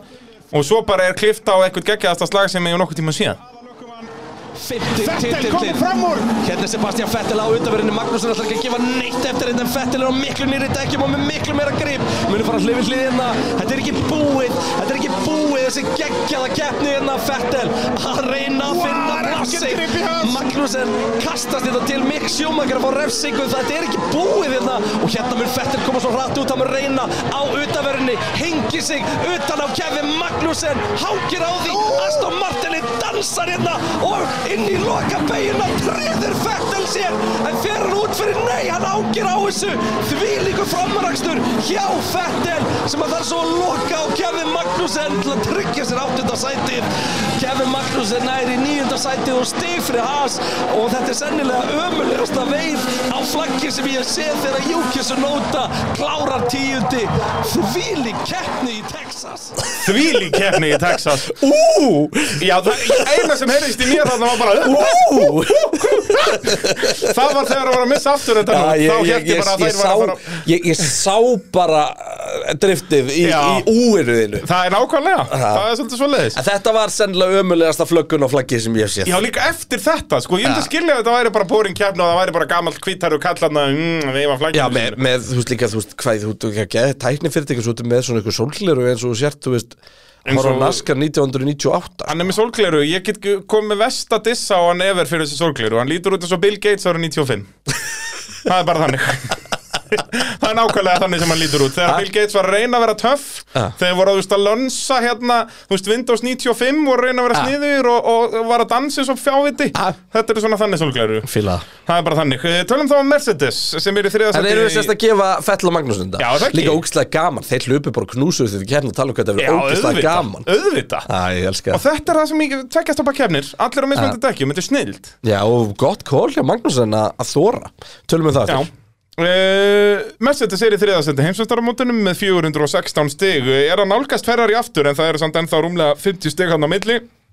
þannig að óleiklegt að náði því í síðustu þrejum í keppnum en samt alveg möguleiki, alveg meira en bara starffræðilegu möguleiki uh, Hamilton 50 stig já, 54 Nei, þeir náðu því ekki Nei, þú veist ekki, þú veist það þarf eitthvað mikið að gera Já. skiluru en Þetta er bara eitthvað, þú veist, Mercedes 1-2 eitthvað staðar, sko nei, nei, þú veist annað og þriðja og Ferrari ennum þetta út skiluru Já, en þeir eru að fara að detta eitthvað Já, jú, já, En það, þeir þeir, eru að fara þeir að gera það þurft að gera það tvísvarsinnum skilur, þannig að það er ekki eins og segja, það er mjög ólíklegt uh, Hamilton uh, resti þriði, Russell fjórði þeir lestu þarna annari rásröðinni uh, Hamilton endar annar og uh, Russell endar fymti eftir að hafa fengið hann að 5 sekundar refsingu fyrir uh, fyrstu beiguna og var svo bara, þú veist, keppnisæðan var ekki nálætt í að mikill og Hamilton eins og kannski hefur verið mest allt tímabilið en það var alveg mikill munur á þeim í, í Texas Já. Enda er þetta brautina Hamilton uh, Þessar 5,023 Já, og sekundur Hamilton sem er líka- var uh, milli Hamilton og Verstappen það er það næsta sem Hamilton hefur verið uh, frá sigri á þessu tímabili Jaha Já. En það er líka, það er annað í þessu með hérna Russell og, og Hamilton og það er bara, þú veist, R- Hamilton er bara miklu betri í, í þú veist svona aðstæðum eins og þarna vindur og erfitt og, og breytilegt og og passa dekkin, þú veist, tvekja stoppa keppni og allt þetta, bara er munar um að vera búin að keppa í, hvað er þetta að vera 16 árið eitthvað djöfullin?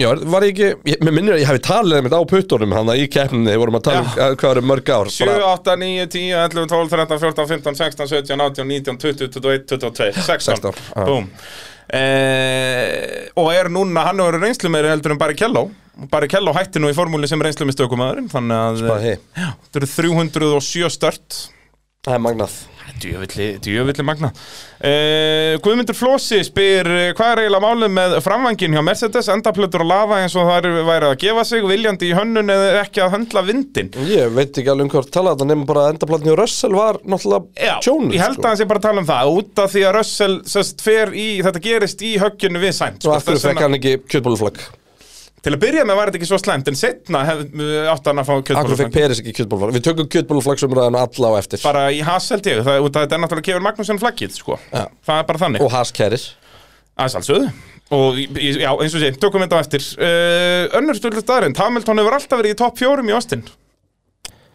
Það er ekkert styrla við þá starrend Ekki, jú, þú veist, Hann er tíu alltaf verið skipti. geggjaðar hann Já, já, já, bara Hann er vel tíu ekki alltaf keppnum. verið á bíl sem bílar ekki Vissulega, bensin Þannig að- ekki mikið í því að Nei. bila Þannig að þetta er ekki stjórnlega staðarind Hann hefði kannski geta- hann hefði kannski getað dottið út á 2013 Þetta var, þetta var staðrind, en ekki svo styrluð eh, Og hefur náttúrulega unnið þarna fimm sinnum eh, og sex sinnum samtals í En bandaríkjum næsta staðarend er styrlis Þetta er 32. annað skiptið sem að Max og Lewis enda í fyrsta og öðru sem slær met sem að Hamilton og Rosberg áttu fyrir það Já Hamilton og Bæði, Rosberg Lewis Hamilton á, með, á fyrsta og annan Ég held hann eigi þriðja líka, sko. Ætli það sé Hamilton og Fettel Eitthvað svoleiðis Það kemur ekki Ég óvart, sko. ándöks held það, sko Ég man með veluna, miksaða velunapalla Þá voru þetta skiluru Hamilton, Rosberg, Vettel Og síðan, þú veist, Hamilton, Verstappen, Vettel Og eitthvað svona, þú veist Hamilton var á fyrstu þremur eða fjórum Einmitt. kombinæsjónunum sko.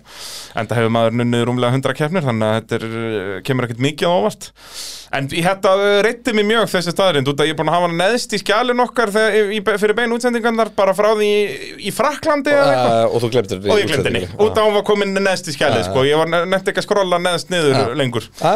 sem er ákveðin Þú skjaldur fyrst að hendur út hér og ég er enda ekki einu svona að grípa fram í sko takk, takk Ég lefði þér að eiga þessa starrend Uh, Kolbert Karl spyr, uh, hefði Hamilton átt meiri sens á sigri ef hann hefði farið á milluhörð í stað hað, harðra? Þarna Men ég í held að lokin. Mercedes hafa gert allt rétt Það var bara, þau vantar bara betri bíl sko Já, Hamilton talaði líka um það eftir keppni bara Hann var ekki full sko Nei, og bara rosaði liðinu fyrir strategíun og bara út að þetta var umvörlugum möguleiki en eins og segi, bílinn bara ekki nógu góður hann var Já frægur í og beinni línu líka, og... líka sko, þú veist til þess að eiga En sko ég held að meira þessi án klúðusins Það hefði hann náðu undir hvað það max hugsanlega, Ég hvað var sé, hann er þetta með- 1,6 f- fyrir stoppin Já. Já, hann var að sækja um max Já, ég segi það, þegar hann kemur fyrstur inn Já. og var á geggjum útring Já, og innringurinn í Max var fræðilegur sko. Já. Þetta hafði allan að vera mjög tæft, sko Hann, hef, hann var komið, ég var búin að rekna Já, já akkurat uh, Þannig að eins Með og að við, þú veist, tvekja bara, sekundar stopp Þetta var uh, það næsta sem Ben sá að komist En, En þá hefði bara náttúrulega beinu bara Max kaflarnir eru of getið hann langir. á, á örgla bara útrygnum, sko Já, en þessi Benz Hann myndi sennilega vinna á Silveston Ef að Silveston væri í dag Eða þú veist, bara ef við varum að fara á Silveston næstu helgi Þá held að ég myndi senda peningin á Hamilton sigur móti bílunum sem voru þá en ekki núna Jú, Nei, held ekki Red Bulli myndi pakka Já, þú veist, þetta eru vissulega langi Red beinu Bulli kaflar líka myndi pakka Silveston í dag En af hverju pakkar hann ekki Austin? Hann pakkaði Austin Já, Hann vinnur með 5 tapar- sekundur og eftir að hann fengi tapar 10. 11 sekundna hérna pitstop Það eru hann hefði- 9 hann sekundur, hefði hann unnið er með 14 sekundur og hann var búin að búast í bil í byrjun líka Og meira þess að hefðabögglega ekki geta gert meira bíl, hann var bara að stjórna keppninni sko. Já, það er vissulega mjög góð punktur En, en ég er bara að segja að bensin eftir meiri sem sá uh, Silveston heldur en á Já, Texas myndi alltaf ekki ferri yfirna Nei, það er eitt sem við getum verið eh, sammála um það uh, Átni Bárðar spyr þetta var geggju keppni og geggju stemming á arena Var þetta síðasti sem Samilton að vinna keppni á árinu og Konrad eh, bætir við Er Interlagos ekki eini raunverulegi sensin, raunverulegi sensin fyrir Hamilton að vinna keppni á þessu tímabili? Hvað heldur kreinarinn? Ég allavega var aldrei búin að skrifa Texas sem einhver umverulega möguleiki fyrir message Nei, Þannig að ef að Texas er umverulega möguleiki þá eh, ætla ég frekar bara að fara að skrifa niður Mexiko sko. já Þú veist, með Og hérna þó, þetta er langur beitt kaplið Já, en, þ- já, En þund loft hvað gerði Honda, nei hvað gerði Red Bullin alltaf hann var alltaf mest draki bílinn, hann var alltaf geggjaður í Mexiko Já, það er góða punktur Þunna Þannig loftið, að- sko Ég Hvað er hugsa- þetta? 2500 metrum upp? þannig að mín spá er basically að sko, já þetta er einhverju kílómetrar upp sko Já, þetta er herri kvarnatafsnjúkur, sko þannig að mín spá er raunur svo að sko þú veist, Williamson verði til og með dog shit Já. í, hérna, í Mexiko En það er svo sem sem- getur svo vel verið að hann verði bara frábær um, en þú veist ég, ég væri ekki hissa ef að sko eina sem að eina sem að trubla mig eins og með Ben Sigur þarna, er að message motorin var aldrei góður þarna, sko. Nei, Þú veist, Hondan var alltaf og Runoin var alltaf betur Segur, optimized já, þarna, sko. það er rétt, það er rétt hver vann í Mexiko í fyrra? uh, Var Verstappen. það Verstappen? Var Það ekki Ég, ég bara, eh, reynlega þekki það ekki Á ég að googla það, þú verður að s- segja eitthvað sniðu þetta með hann Jó, Max vann, hann var að jamma með einhverjum holinskum DJ hann á palli Já, alveg rétt, og hann eh, enda á velunapalli hann eh, Tjekko og strákurinn, pappans var hann strákurinn kom með og eitthvað Hann var uh, Max Verstappen, svo Hamilton 2019 Já um, Hérna En jú, er ekki Interlagos bara nokkuð fyrir, Hvernig svoleiðis var þetta í sjátt? fyrra? Ma, hvernig var, ertu með Mexíkó? já, Ertu bara með winner? eða? Ég get bara, ég get flett þessu öllu upp 2021 Elsku- Mexican Grand Prix Þarna vantar Þetta er aftur góða- góða Hermanos röddina, sko. Rodriguez Býtu nú Já, við Nákvæmlega 2021 Mexican Grand Prix Mexican Grand Ó, það, ég, ég eh, fæ ekki nóg og þetta var líka svo góðu gæi sko. mér lókar aftur að fara á þetta hótel bara til að heyra fleiri hittisögur frá þessum bartender sko.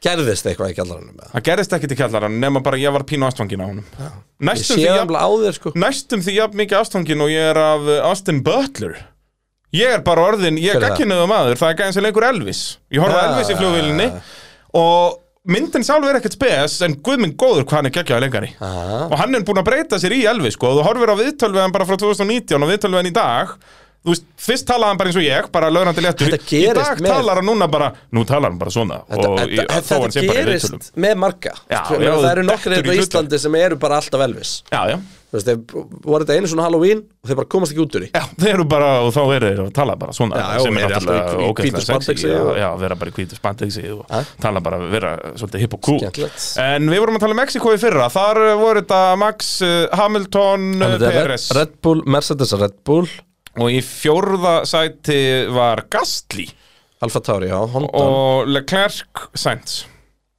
já, og svo, hvað er maður í klæðin? sjöunda var Fettel what the fuck og í áttunda var Kimi Rækonen á Alfa Romeo hvað þvæla gerðist hann í fyrra ég þarf að horfa á þess að Ég kefna man aftur. það ekki. ég man ekkert eftir þessari Nei. kefni Það, þetta hefur verið alvöru vitleysa Ja. uh, En nú ætlum við að tala um Alpín næst Þannig að það er uh, reynd út uh, já, þ- Þá koma skemmtilegar pælingar Það er ótt að segja það En áður en við förum í það Þá þurfum við náttúrulega að tala um okkar allar besta fólki á Viaplay uh, Talandi um bíómyndir uh, Get Out er mættin á Viaplay Sem er sturlu hryllingsmynd uh, Núna þegar Halloween er að detti í garð Vá. Þess, Hún er alveg fokkaraður haustum þessu sko Ég mæli mjög uh, með henni uh, Önnur mynd sem ég mæli mjög mikið með Sem að kannski flestir hafa hort á hann Ef þið hafði ekki hort á hann Þá er þetta besta uh, bíómyndin til að horfa á í kvöld ef það á að vera hugulegt movie night það er The Other Guys The other guys Gekkju, það, þetta er mín uppáhaldsgrínmynd all time Ok. Will Farrell og Mark Wahlberg að leika löggur í New York Já, já, hún er geggjuf og þú veist Samuel L. Jackson og The Rock eru hérna löggurnar og bara veit. þetta og Adam McKay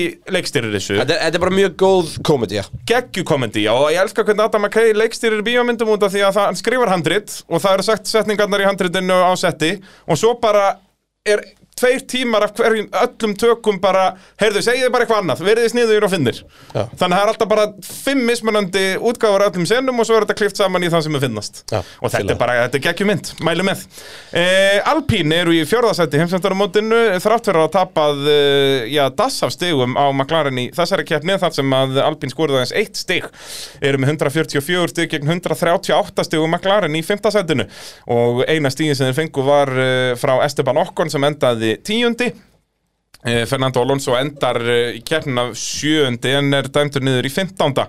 Það er eh, 30 sekundar refsingu sem er bara í rauninni stærsta refsing sem Þetta er bara ef- drive-thru pelti ef þeir, já, ef þeir höfðu gert þetta í miðri keppni hefði þetta verið drive-thru penalty Já, sest, nei meira, sest, 10 sekundar stop-go penalty Já, já, já, já, já. sem er sest, þú kemur inn í pit, stoppar í 10 sekundur og ferð út og þú mátt svo ekki máttu ekki- servisa bílum nei, nei. þannig að þetta er basically á 30 sekundur uh, og rúmlega uh, Látt sér um við sé stopp-go pelti já, ég bara man ekki eftir að hafa séð Það það var bara, eitthvað í fyrra var í fyrra Ég manst ekki hvar En já, En uh, hvað um það? Uh, Sævar Már spyr á Alonso að gjöruglega metið í lengsta prjóni í Formule 1 Svei mér þá sko, ég fór að eh, rifja þetta upp Það var náttúrulega hérna Vitali Petrov í Malasíu 2011 sko, ég hafði mjög gaman að því, hann sagði viðtalandi keppna að á þessum hraða fær hann 200 metra á 0,1 Já, sem að sem sagt, gróflega reiknast í 7000 km hraða já þannig að hann svona aðeins, hann íkir En smákallin ekki- en hérna 7000 km Já, alpíninu segur að byrja á hann er, fyrir hann er alveg sleipur en hérna, en hann fór alls í land Já, ég meina, hann fer ábyggilega Fer hann ekki hátt í 100 metra á afturhjólunum Meira sennilega við erum ekki bara svo heppin að fara Hann er þetta niður, en meira en þarna 0,1 sekundu í, í loftinu, skilur síðasta kynnslu bíla hefði flippað hana Er það svo leiðis? ja, með flatan væng undir og loftflæði ekki að fara í Já, gegnum það er hann rétt, og jú. hérna Þetta vetturgöngin eru að og hjálpa honum sérstaklega þarna. bílarnir eru undan því því að þessi eru orðnir svo þungir sko Já. þú veist, já, og, og líka 2012 bíl hafið farið bara eins og Webber gerði pældu skilurðu. líka bara í öllum auka vangjunum og draslinu og bartsportinu og því öllu saman, núna er það bara opið Já. þannig að hann er meira að taka loft neðan á sig þarna til þess að leggja hann aftur niður heldur en hitt sko. Þetta er líka bara, þú horfir á krassið í Valencia var ekki 2010 sem Mark Webber flýgur með minni það, Jú. hægt að googla það Valencia 2010 Webber krass Mm. það er nákvæmlega eins og þetta, hann bara fer með annað, aftur, annað framhjólið fyrir annað afturdekki á bílum fyrir framann og hann liftist aðeins nema þá léttari bíl og flatur botn og hann flippast og Webber er líka meistari í því að taka backflip á motorsportbílum, það er bara svo leiðis já, náttúrulega og það flott staðum öllum bara Já, það er í Le Monde á bensanum Benz. Það er þegar hann flýgur inn í skó Já. Hann var og frekar það var ekki krass, hann er bara á fullri ferð í beinni línu Já, já. og bílinn bara tekur loft undir sig og bara tekur Bara loft út að þú veist á, bókstaflega. hvað heitir aftur fræði beinu kablin Mulsanne. Já, að, og það er svona lítil hæð Já. Og þegar hann koma niður eða svo stifir hæðina Hann er þá búin að bara- vera í slipstream með aðurum bíl þannig að hann er óinu hraður Já, og felígur Já.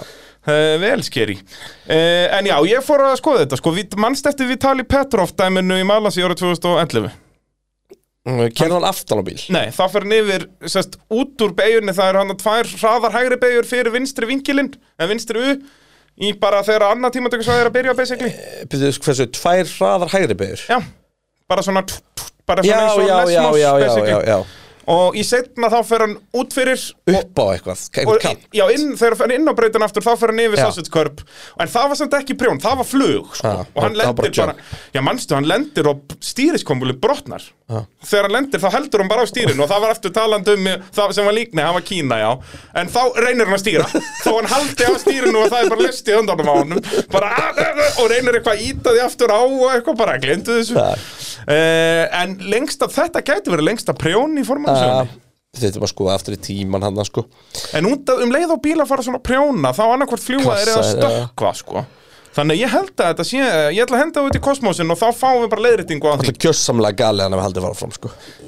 Hvað er hann að fara að ratta? Hann er nú yfir 200 leikandi þegar hann bombar að hann er vekkin að sko. slaga í 300 eða- Já, þegar hann lendir á höggið veggnum, kemur, já, þú já. veist, í högginu er hann yfir 300 leikandi Já, hann er alltaf ekki á svona 260 eitthvað, nei, já Já, þegar hann fyrir veginn Og vissulega ekkert eitthvað head on Þetta var akkur upp á Nei, þú veist, hliðina, en- þetta er, þetta er svo mikil heppni því hann er akkurat þarna hann sem að er líka hérna útskott þannig að veggurinn er að koma í beigju sko Já, þetta, bara hefði grípur geta, bílinn þetta hefði geta verið svona hérna Robert Kubica brútal dæmi sko Já, ef þetta hann og talin ekki um hann að þeir fara yfir sko Já, sem að hann var bara hálsbreytt frá því að gera Þú veist, þá var hann að fara yfir katsfensi og þá var hann líka bara drepið fullt af fólki þarna, ja. skilur Það er nú aðalega það uh, En já, Margrét Átnáttóttir spyr uh, hvort var rosalega flug Alonso eða Webber 2010 Já, það var þá 2010 ef að Margrét hefur rétt fyrir sér uh, Webber náttúrulega miklu rosalega út að hafa flug Þetta var bara prjón hjá Alonso Já Þannig að eh, að mínum að var webberinn eh, rosalegri.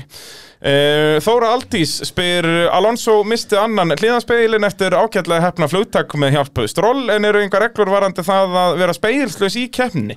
Verðum við ekki að taka þessu umræði bara í heilt núna? Jú, jú, gerum Var það. eitthvað spurningar í has eða? Nei, svo sem ekki beint um þetta. Við ætlum að taka eh, líka bara aðrar umræður þar. Ok, uh, sko Nei, það er ekki beint regla um að Nei, ef þú að missir vera spegilinn- speilslaus er í raunin alveg í lagi. Nei, En það það er- kom í ljós að það var ekki Nei, en sem sagt, ef hann dettur af eins og hann datt af, það er það sem er ólulegt, skilur. Hefði hann dottið af bara inn í pitt, þá hefði Þannig þetta að ég verið leið. skildi eins og hitt var líka ólögt Já, hann sé að keira speilslaus Já, uh, Málið er það sem sagt að það er sett á ábyrð liðana Í raun og veru þegar að kemur kjötbóluflaggað einhvers konar refsing Þá er það eiginlega refsing á liðið Því að það er sett á ábyrð liðana að tryggja að bíllinn sé alltaf örugur til að keppa í lægi Og þarna náttúrulega þú veist spurningarna sem ég var með var ekki eitthvað herri og það er lausfokkinni speil heldur bara, er grind, myndi grindin þóla krassa akkurat núna Já, þú veist, er hún ekki, á ég að trúa því að það sé ekki bara komin bara, þú veist, 10 cm sprunga undir þessa grind eftir þetta högg nákvæmlega hún maður reyndist líklegast ekki verið það, því það var engin breyting á datanu Nei, allavega um, og ég mitt, þú veist, og svo horfður á ferrari eins og að blásið á hann í byrjun Já. hérna, ég hægist að byggja breytarinn en sest, það sem að gerist og, og það, þessi spurning kemur auðvitað áður en að þessi refsing er komin mm. ætla að gíska á það en sest, þannig að Fernando En- Alonso Já. fær uh, þessa 30-ish sekundna refsingu uh, hann, fæ, og hann fær bara 30 sekundna refsingu eftir á í staðin fyrir sem sagt, uh, stopping go penalty í keppni og þessi 30 sekundna refsing tekur hann út úr stegasæti ástæðan fyrir þessi refsing kemur er allmjög skrítin uh, Haas í raun og veru setið inn tvö protest eftir á og það er það að þið kæra sér satt það að Alonso hafi keirt með bílinn með, dans, með lafandi speil og þið kæra, kæra Peres með, með hérna framvængin og ég meina við töluðum um þetta í keppni og, og það er alveg ástæða fyrir að við töluðum um þetta því að hérna uh, í raun og veru það sem er búið að vera í gangi á þessu tímabil og Peres dæmi er miklu svartkvítara þar fyrir mér sko Miklu svartbytara og, og þá mætti meira sér líka sætt spurningu með Russell þar sem hann lafir aðeins út en en það var alltaf meira hjá kefum Miklu meira, já og miklu meira hjá Peres en málið er það, já, já, þú veist en hann alltaf brotna braf, en munur reyndar og það- ég skal Já, en útskýra fyrstu alveg tvo ringina var hann lavandi já, nei, nefnilega ekki fyrst tóringina Töl, tölum aðeins um það eftir spá Ok. um, hérna, en sérst og málið er það að Haas eru ekki að gera þetta til þess að reyna eitthvað klekkja á al, al, Alpín, Haas eru bara að segja hvaða fokkin kjafta er það að Kevin Magnússon við þrisa sem á þessu tímabili þetta farið inn í pitt og skiptum eitthvað þegar bílinn var í lagi út í eitthvað lagandi Já, þú veist, eins og í Kanada er hann í stegasæti þegar hann þarf að gera þetta í byrjun og keppni nota benni ástæðan fyrir þeir eru að flappa en ekki detta af er að fíja setti skildu að væri vír í ár úr framkvæmdum að halda sætpot, nei hérna Hliðunum, endaplötu sest, já. þannig að ef þessi vír er þarna og þeir treyst honum ekki til að halda þessu á hvað er þá að Sleppið frekta? þá helviti svíl leiði þessu bara brotna af í í, krassinu í kontaktinu, skilur, það er mega fullkomni sens því að þú veist, einmitt, ekki og þeir eru það eru líka þá miklu minni líkur að þetta fjúki af á 300 km það sem þetta verður eitthvað vesen sko. yep. allavega um, þannig að Haas protesta þessu og það er samþykkt með Alonso það er ekki samþykkt með Peres og þú veist, mér finnst það líka steikt en það sem sagt munurinn á Peres og, og var nefnilega ég sá bara geðið transkrift af því sem hann gerðist mm það sem að sem sagt, hann er bara að flapsa í einn og halvan ring og munurinn í raunum er á því sem Peres er á móti hinnum en sem þetta hann losnar ekki, ég man ekki ég veist, hvort að maður sér hann fyrst byrja að flapsa á fjórðarring og svo dettur hann af á sjöttarring Já. en Peres er einn þar það er engin nálagt honum, þú veist, hann er í gappi þannig að það er engin annar aukumæður að tilkynna og klaga og Mhm. Eins við og erum þetta ekki var í einu svona að Kanada. sjá hann í sjónvarpinu og á sama tíma eru dómararnir að dæma í sænsmálinu og Já, í brautatakmörkum og, þú og veist, að þetta- Latifi og, þú veist, Já, öllum fyrsta endalaust. hringnum bara þannig að hann endalaust. er beisli bara laus við vangin og hvað þú get, þú, þú, veist, það er ekkit fordæmi fyrir því að setja hann inn eða bara vantar bútabílin Nei, nei. þannig að Peres bara er heppin Já. hann bara, hann slapp með rángstöðumarkata Já. skilur um, en það að eftir á að refsa Alonso ég er fucking brjálar yfir þessu því að það er ekkert sem liði getur gert eftir á Nei. ekki neitt um, við erum líka að tala um að bara í ljósi þess í ljósi aðstæðna ekki skemma eitthvað fucking hetju drive Jep. við erum að tala um gæja sem að fekk refsingu í tímatökum Ræsir 14. ræsir 14. vinnur svo upp, lendir í humangus krassi og vinnur svo upp í hvað, 7. seti Já, resti 17. í endurræsingunni, 17. og síðastur og vinna svo upp í 7. á Og líka bíl eins sem og er ég búin segi- að fara í flug sko. Já, og hvað út af því að þessi regla er hönnu, þetta er örgisregla, að liðið á að sjá til þess að bílinn sé í lagi, hvað á liðið að gera eftir kefna? Nei, ég minna, þú veist, ok, eh, þarna er pointi að liðið hefði þótt að taka hann inn og, og hérna, og festa speilin eða skipta, ég meina, þú veist, þið geta það ekki þannig er, var beislir að segja herri, það er flapsandi speil, þú verður að retæra þessum bíl Já. Er það í alvöru Formule 1? Já, ekki samkvæmt nýju reglubreitingunum, þar sem þeir ákvaða að losa sig á alla óþara vangi svo að svoleiðis myndi ekki gerast. Ég meina, eru við þá að fara núna næsta, hérna, uh, næst þegar að uh, við erum í pre-season testing og hvað verður verið að æfa sig að teipa upp speikla og, og hérna... Það var reynda rosalegt. En Sástu nei, þú veist, samt það er hérna bara í það- krossinu? Ég er svo samanlegaður að þetta sé, ég er brálaður yfir þessu. En manstu, við vorum að tala um samt að eins og hérna eh, endpleitið og svona var ekki hættulegt þú veist, og þannig sástu, eftir múin svo ombordið innan og hjá Norris þegar krassi var Nei. ég held að við tókum ekki eftir þegar við fengum þetta ombord í keppni en sem sagt uh, Norris er þarna rétt fyrir aftan Stroll og, og Alonso hann fær einhvern bút í hérna wheelcoverið Já. það splundrast sko Já, og það fer bara eins og í hakkavél, bara á milli. uh, á milli Á milli þá vilkofinsins og dekksins. eða sem sagt- Já, bara lendir á því Já, og, og það, bara- það bara brotnar, bara splundrast og það var eitthvað sem var fljúandi þarna sem hann kerir á sko. Já. það gæti náttúrulega, þetta var það stór það gæti þess að hafa verið spilna úr Já. Aston Martinum, sko. ég sa- veit ekki hvað það var Eitthvað- en ef þetta var carbon- bara eitthvað eins og endaplata þú veist, þetta hefði alveg farið illa á hjálm sko. Já, já. ef þetta splundra carbon fiber steikir annað sem er endar ekkert rosalega stært samt að það þarf að taka helviti mikið lót sko. Já, tó- tókst eftir í, þegar að Vestappen tók fram úr Hamilton Já. að þá losnaði þetta frá. Já. Ég hef aldrei séð það áður. en þetta bara, það vantaði bara, all, bara frá og með svona miðju dekki upp úr hjá Já, ok, já, ég spottaði það ekki. En, uh, já, ég er 100% sammála þegar að, að þessi refsingu á Alonso var þvæla. algjör þvæla og hérna við erum löngu búin að sjá að hann er speilslis eða með flapsandi speil Já, það er bara þannig. Uh, Ívar Máni kemur svo með eina pælingu hérna sem ég er uh, líka svolítið sammála. en spáður þetta í því, ef að eftir þetta það verður fimm ringir eftir og Alonso er búin að vinna sig eitthvað upp og kemur kjötbóluflokka á hann hvað er það að gera? farin í pétt og brjóta speilin af Væntalega, já. eða bara segja Alonso að tegja svo brjóta, nei hann er ekki í honum. Nei, nei, ekki, já. En, já, bara brjóta hann af. þetta er galið sko Það er og ég meina bara- þá hefðu bara getað brotið hann af í pitstofinu skilur við, Já. en hefðu það ekki verið vandamál já, þú veist, hefðan þá ekki fengið refsingu fyrir að vera ekki með spegil. Já, það er það sem ég er að segja Þú sko. veist, sem er fáránlegt. Þannig er þetta bara, þetta er bara auðbull Þannig Já. er bara, og komum bara eitthvað kjaftaði Og ég meina, jú, jú, ef Alonso þurfti að bara vera með spottir að segja sér bara Hægri, hægri, hægri, hægri, allir tíman Þá bara hefði Alpín retta því, Já, þú veist bara græja þetta. Já, þetta er gjössalega galið En já, Ívar kemur hérna með pælingu með unsportsmans- unsportsmanslike behavior hjá okkon eftir að liðsfélagin lendi í árakstri að fara fram úr bílum sem voru að hægja á sér uh, út af árakstrinum. Er þetta refsivert? Náttúrulega ekki Nei, sko út af refsivert. því hann gaf það tilbaka. Já, hann gefur sætin tilbaka, en þetta var samt, þú veist, þarna finnst mér að einhver reyga aðeins að uh, Eiga tala samt að- við hann. Já, því að þú sást gastli og svona, þeir hæðu bara á sér sko. Já, auðvitað. Bara, Þú veist líka ekki, þú veist, er þetta tveir bílar, eru tíu já, bílar er búin þetta að loka fjóri bílar, brautinni? þú veist, ég segi það. Og Og það er alltaf að koma öryggisbílina ég bara svona dó Anton Hubert við að fá bílinn í hliðin á sér. Já, já Þannig að þú, í þessum kringustæðan, þú sérð ekkert fyrir Nei, karbonkonfetti Það áttu bara líka að stoppa Já, þú veist að þú fer allavega ekki að taka fram úr öðrum sko og fara og keira bara eitthvað inn í þokuna þannig að, en nei, þetta var ekki refsivert út af því að hann gaf st- pl- plásin tilbaka Já, og svo er þetta bara eðli kapasökum hans En já, En það á að þetta er, öskra það, það þarf að tala um þetta Já, allavega. 100% uh, En ég er brjálaður yfir, yfir, ég yfir hérna, er sammálaður.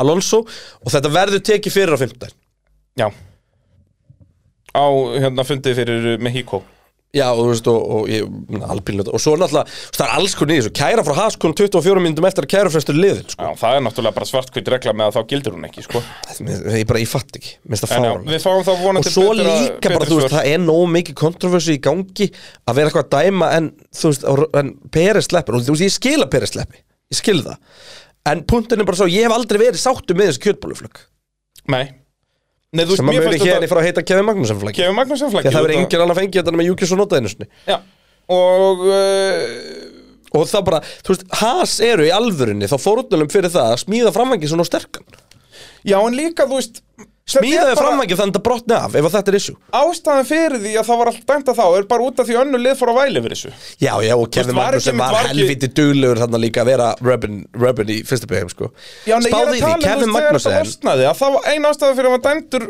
inn út af því að þetta var laust er út af því að bílinn fyrir aftan var eh, í Kanada Já, var já. ekki Red Bull fyrir aftan hann eða var það Jó, klart var það ekki eitthvað þannig Mér minnir að það hafi bara verið Max hennilega Já. og þá bara endalisti talstöðunni bara ná að fara inn inn, inn, inn, inn, inn, inn, inn og, bara, og þá bara er þvinga dómarinn í að taka ákvörðin Já. Að, þetta er nefnilega, þetta er málið sko og síðan að það er meir í þessu, þú veist en ég hef einn pæling með Kevin Magnússon spáði hvað, að, hvað Kevin Magnússon væri með miklu færri stig á þessu tímbil ef við værum til þess að kera bílna frá í fyrra því hann lendir ekkit eðla mikið í litlum kontutum sem að taka framvangi sko Já. En í, núna taka er ekki framhangi Nei, en, það en, en í stæðin er hann þrísa búin að fá kjötbóluflag Já, en 100% út af því að þú veist, og þannig var hann líka í gamla þetta, hann var alltaf á fyrsta hring, klessandi á allt og Ah, Það er alltaf, bara málið, sko. hann er bara þannig ökumæður, hann er ekki góður í hann á þessu, að vera í, í hérna í sportbílum sko. já.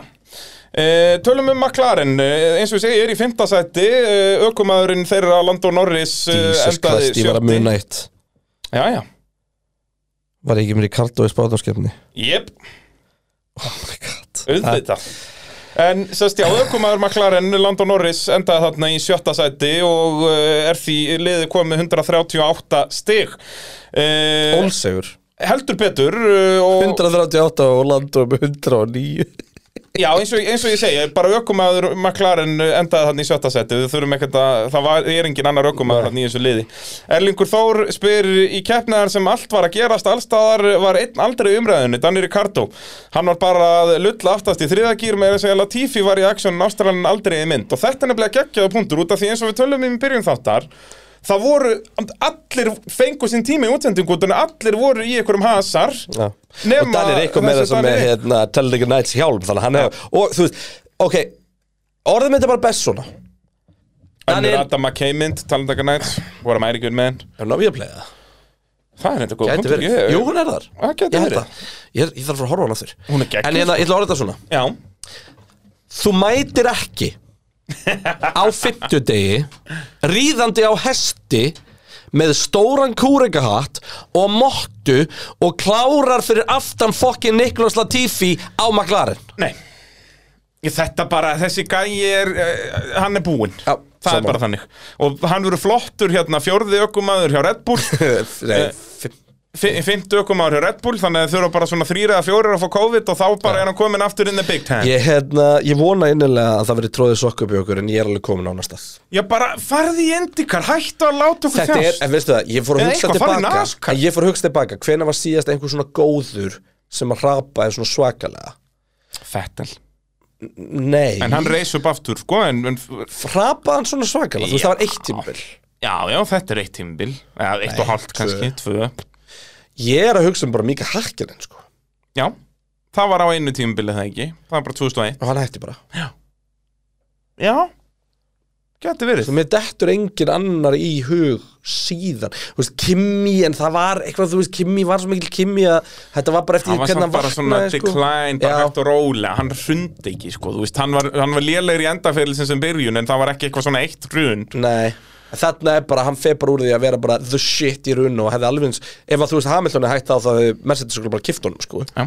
þú veist en hérna og bara, eh, hann var líka svo að gera svo geggjað móti í þessum Alpín í dag sko. Ég held það nefnilega. Þessi McLaren er bara, þú veist, hann hendur hann bara ekkert eðlilega illa og hann hefði bara komið svo út í fyrra. Þá hefði hann ennþá átt séns og þá hefði hann greitt bara vókæl saman. Þessi bíl henda mér bara ekki raskat. Þá náttúrulega var að koma alveg nýr bíl, hann að trúi. En þú veist, McLaren way of building er greinlega og, og þú veist, það hendar McLaren þá greinlega bara líka bara betur að taka ungu aukumenn og kynna þá fyrir Formule 1 á sínum bíl, sko. Já, algjörlega En, uh, En ok, já. já. Þetta er bara sorgarsaga, við tölum að þetta er alltaf En við erum sama ekkert að tjókan tala um McLaren nema við ætlum ekki að fara að tala um þetta kostkap út í var náttúrulega mjög heitt á milli Zach Brown og, og Christian Horner en bara eins og formuleheiminu þá bara geymum við það því að, ég, jú við þurfum alltaf að segja eitt með þetta kostkap að það, þú veist, allavega kollegur okkur á Viaplay í Hollandi voru með þær upplýsingar, eru ekki bæjast þar samt hérna, voru allavega með þær upplýsingar að upphæðin sem um var að ræða í kostkapinu og hjá Red Bull væri 200.000 dólarar Já, Ekki, þú veist, 7 ekki miljónir 7 miljónir og að, að öllum líkindum þess að það hefur upphæðin sem verið að uh, rífast um Já. en það Red Bull væru sérst, búin að eiginlega búið fulljósa um að þeir væru sérst, það væri búið að samþykja þeirra take á þessu og eftir stendur bara the procedural bridge sko. þannig að þetta kostkapmál er vonandi bara búið og það Já. þarf ekki að setja annað spurningamarki við titilinni fyrra Akkurat og uh, það er alveg nóg að sétt Já, það er bara, ég nenni ekki þessum Nei. koskapdæmi, sko, ég nenni og því ekki líka neitt bara, eh, eins og ég er búin að segja núna svo oft Max Verstappen á ekki skilið að það sé eitthvað kontroversi yfir titlinum í ár sko. Nei, Því hann er búinn að vera nákvæmlega. langbest. Já, já, þessu segja, Herri, það er sástu- Abu Dhabi fíblagangurinn er alveg nóg uh, fyrir Max, sko sástu þegar að hann var, hann var fallið mynd, ég sá hérna mynd úr Red Bull skúrnum, hún tekin fyrir utan hann var Adrian Newey einn inn í skúr að bara strjúka bílum oh. bara um kvöldi, Oh. það var bara svona já, þú ert búin að gera það sem Þú að ert bara í nákvæmlega Þetta gæti farið í sögubækurnar sem besti eitir að njúi bíl efer Hann er að berjast upp 2013 Red Bullinn og 97 Williamsinn var engin Newey McLaren eða? Nei, ekki svona sem var að vinna svona marga keppnir hann gerði 98 bílun eða ekki Jú, þú veist, hann hættir á Williams 97 þá var náttúrulega bara alveg slag sko. það var bara annar bíl sem var svo góður líka sko. Já, En þú veist, báði því, þessi, þú veist, ef að Mercedes hitt á okkur draumadæmi, þá hefði þessi Red Bull kannski bara verið með, já þú veist, Já, svona hafði bara verið unnið, þú veist, kannski tvær keppnir eða eitthvað, þú veist. Já, það kannski er bara verið fimm, svo sex. ferri inn, skilja. Já, já Það er bara þannig að- Þetta svona- snýst allt um samkeppnina, þú veist. Svona er formúlan, sko Það er, þú veist, og þetta sýnir sér best með Það getur hérna vel Mercedes verið að- domination eða þú veist að það mesta domination en þeim var 2016 þegar að öll innliðin höfðu samt haft tvö ár til að catch up, sko Já. Þú veist, það var ekki 2014 var vissulega domination en 2016 var meira Þá var domination bara mótorinn ennþá svona langbestur, sko. Jep. Ég vildi óska þess að við getum farið aftur í gegnum þau tímabil og levula eins mótorinn hjá Red Bull og Mercedes. það hefði það verið hefði algjöfist, geggjað, sko. sko. Því Já, að bara- Mercedesin síndi okkur, nei, Red Bullin síndi okkur alltaf um leið og mótorinn skipti ekki máli, þá voru þeir jafnir betri, sko. Jep, Þá höfðu við fengið Ricardo að bæra sem titil Já, hann er bara orðið heimsmyndstari. Já. Því að þú veist, það var swag á honum, sko, þá. Jep, hérna Nei, en, en ég hugsa líka að svona, ef við förum tilbaka og ættum að velja sko, ef við gætum tölfræðilega, þú veist, bara fengið einhvern á bíl með yfir reglur, hvað bara hvað yfir að extrakta miklu, þá myndi ég halda að við myndum finna einhverstað tímabil þar sem að sko jafnvel topp þrý bílanir væri allir á sama tímabili. Já. Þú veist, bara þegar að samkeppni var sturgluð, jep bara eins og í fyrra, þú veist, bara þe- hvernig bílanir enda árið í fyrra, þú veist, kjössamlega nekk en nekk, sko. Já. Já, svo sem ekki, þú veist, í Abu Dhabi var bensin miklu betri Já, en þú veist, Red Bullin var búin að vera miklu betri á undan og þú veist, þetta, þetta var, tjúvill er þetta gaman. oh. Heldur betur Eh, og samt þegar þú segir miklu betri þá var samt aldrei gefið að annarkoð myndi vinna sko. Nei, al al aldrei fyrirfram þetta var bara ekki svo svona núna sem við fórum til Mons og við vissum bara Já. að Red Bull myndi pakka Pakka, já þú veist Það er akkurat málið. Uh, talandu um uh, leiðileg kostkappmál, ef að þú vilt ekki lenda í leiðilegum kostkappmálum, að þá eru boðlið okkar eh, fólk uh, til að græja það. Já, og það er ekkert eitthvað, eitthvað ef, ef þú ætlar að fara að skýta upp á bak þar Já.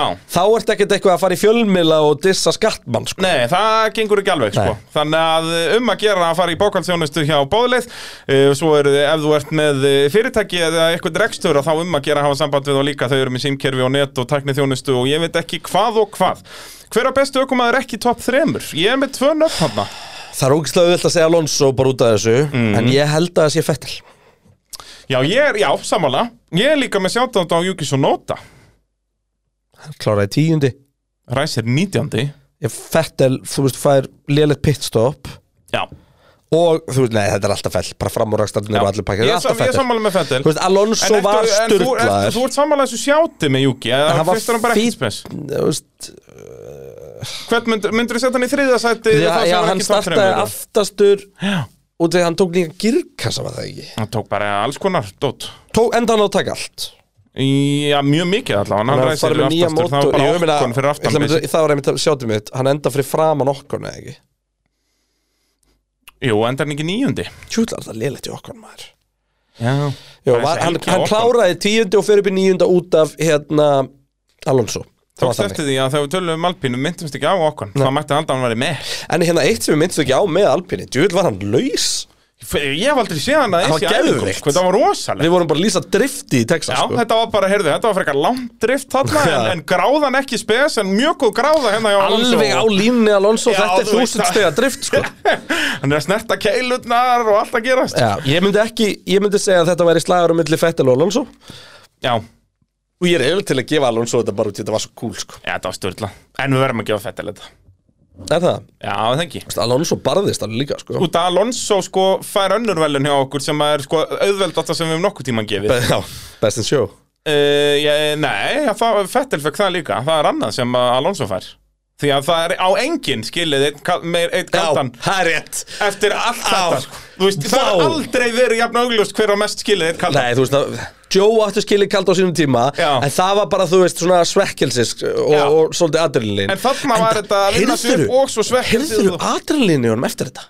Já, bara, Hann, hann gæti ekki, hann var bara, þú veist bara sk- skiljanlega, hann var kortir frá því að deyja Og er núna komin á fulla ferð á næsta ring Já. Þetta er náttúrulega ekki mennst, sko Nei, það er svolítið svoleiðis Eh, Eitt lið sem að ég hef afskamlega lítið áhuga að tala um Alfa Romeo eh, er í sjötta sett eru núna bara einu stíð á undan Aston Martin Aston Martin er að fara að taka þetta sjötta sett af Ég ætla sem það að minnast á það að þetta, þessi Helgi og Alfa Romeo ömulegt, því að við erum að tala um það að að momentarily voru þeir með báða bílina inn í Q3 Mhm. það var nú annað kontroversið Hvað er voru seinir að dýra þetta hérna- Nei. hringjum?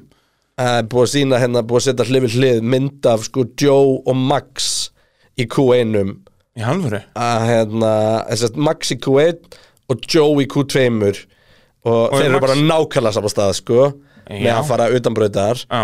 en þú veist, ok, ég held að verið fyrsta hringnum hjá Max eða eitthvað, hann hefði alltaf getað að fara aftur og hringnum er eitt, sko, þetta er ekki Já. breytt neinu en hérna, en greiði Joe, við erum að tala um millimetra sko. Já og hérna átti það svo skilið en, En á var sama náttúrulega tíma... tíma með þessar refsingu skiluru Þannig að hann Já, hafði en bara þá hefði hann enda 10. ræst úr- 9. og Já. hann resta 14. En þá á móti kemur hins vegar önnur pæling Og það er bara, þú veist, á helgi sem Alfa Romeo gætt komið báðum bílum inn í Q3 á Þá skoraði ekki stig Nei, náttúrulega Bottas var í mjög góðri stöðu þegar hann gerir þessi mistök Já, og það var, það var enda stærsta vingveð helgar nefnist Fór upp í hvað, 26 km eða eitthvað Já Akkurat á sekundinni Já, já. En hann á samt ekki að gera þessi mistök Bottas á ekki að gera svona mistök á þurru braut Bara einn Nei.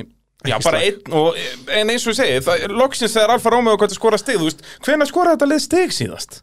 Það er komið djöfulli langt síðan sko. Nei Nei, nei, þeir skoruðu eitthvað eitt stig Jó var nýjan alltaf með nýverið. hraðasta hringi í Japan Það er rétt, okkar maður En ég held hann að við fyrir utan top 10 Þannig að hann fær ekki stig fyrir það Já, maður sjá, sko, þeir skoruðu síðan stig Jú, þeir fengu eitt stig á Ítalíu Já, það er sem þetta helviti langt síðan Já, en þú veist, fyrir það skoruðu síðan stig í Kanada Einmitt Já, Frá Kanada hafi liðið skorað eitt stig Enda þeir byrjuðu tímabilið eins og Aston Martin er að enda það Og fyrir vikið eru þeir með jafnmörg stig núna Tölum um Aston Martin Nákvæmlega, þeir eru í sjöndasæti einu stíu á eftir Alfa Romeo, Sebastian Vettel ræsir tíundi, vinnur sig upp um fimm sæti strax á fyrsta ring og hefði endað eh, sjötti, hefði ekki fyrir verið mistök liðsins inn á þjónstusvæðinu, þannig hann ræs, eh, endar sjöundi eftir magnaðan framúrakstur og kemur Magnússon í gegnum síðustu beigðanir sem voru hlustuðum á áðan uh, er með 38 stig í 11. sæti heimsættaramótsins uh, og landstról resti 50 en dettur út eins og við höfum talað um áðan í eh, samstöðunni við eh, Fernando Alonso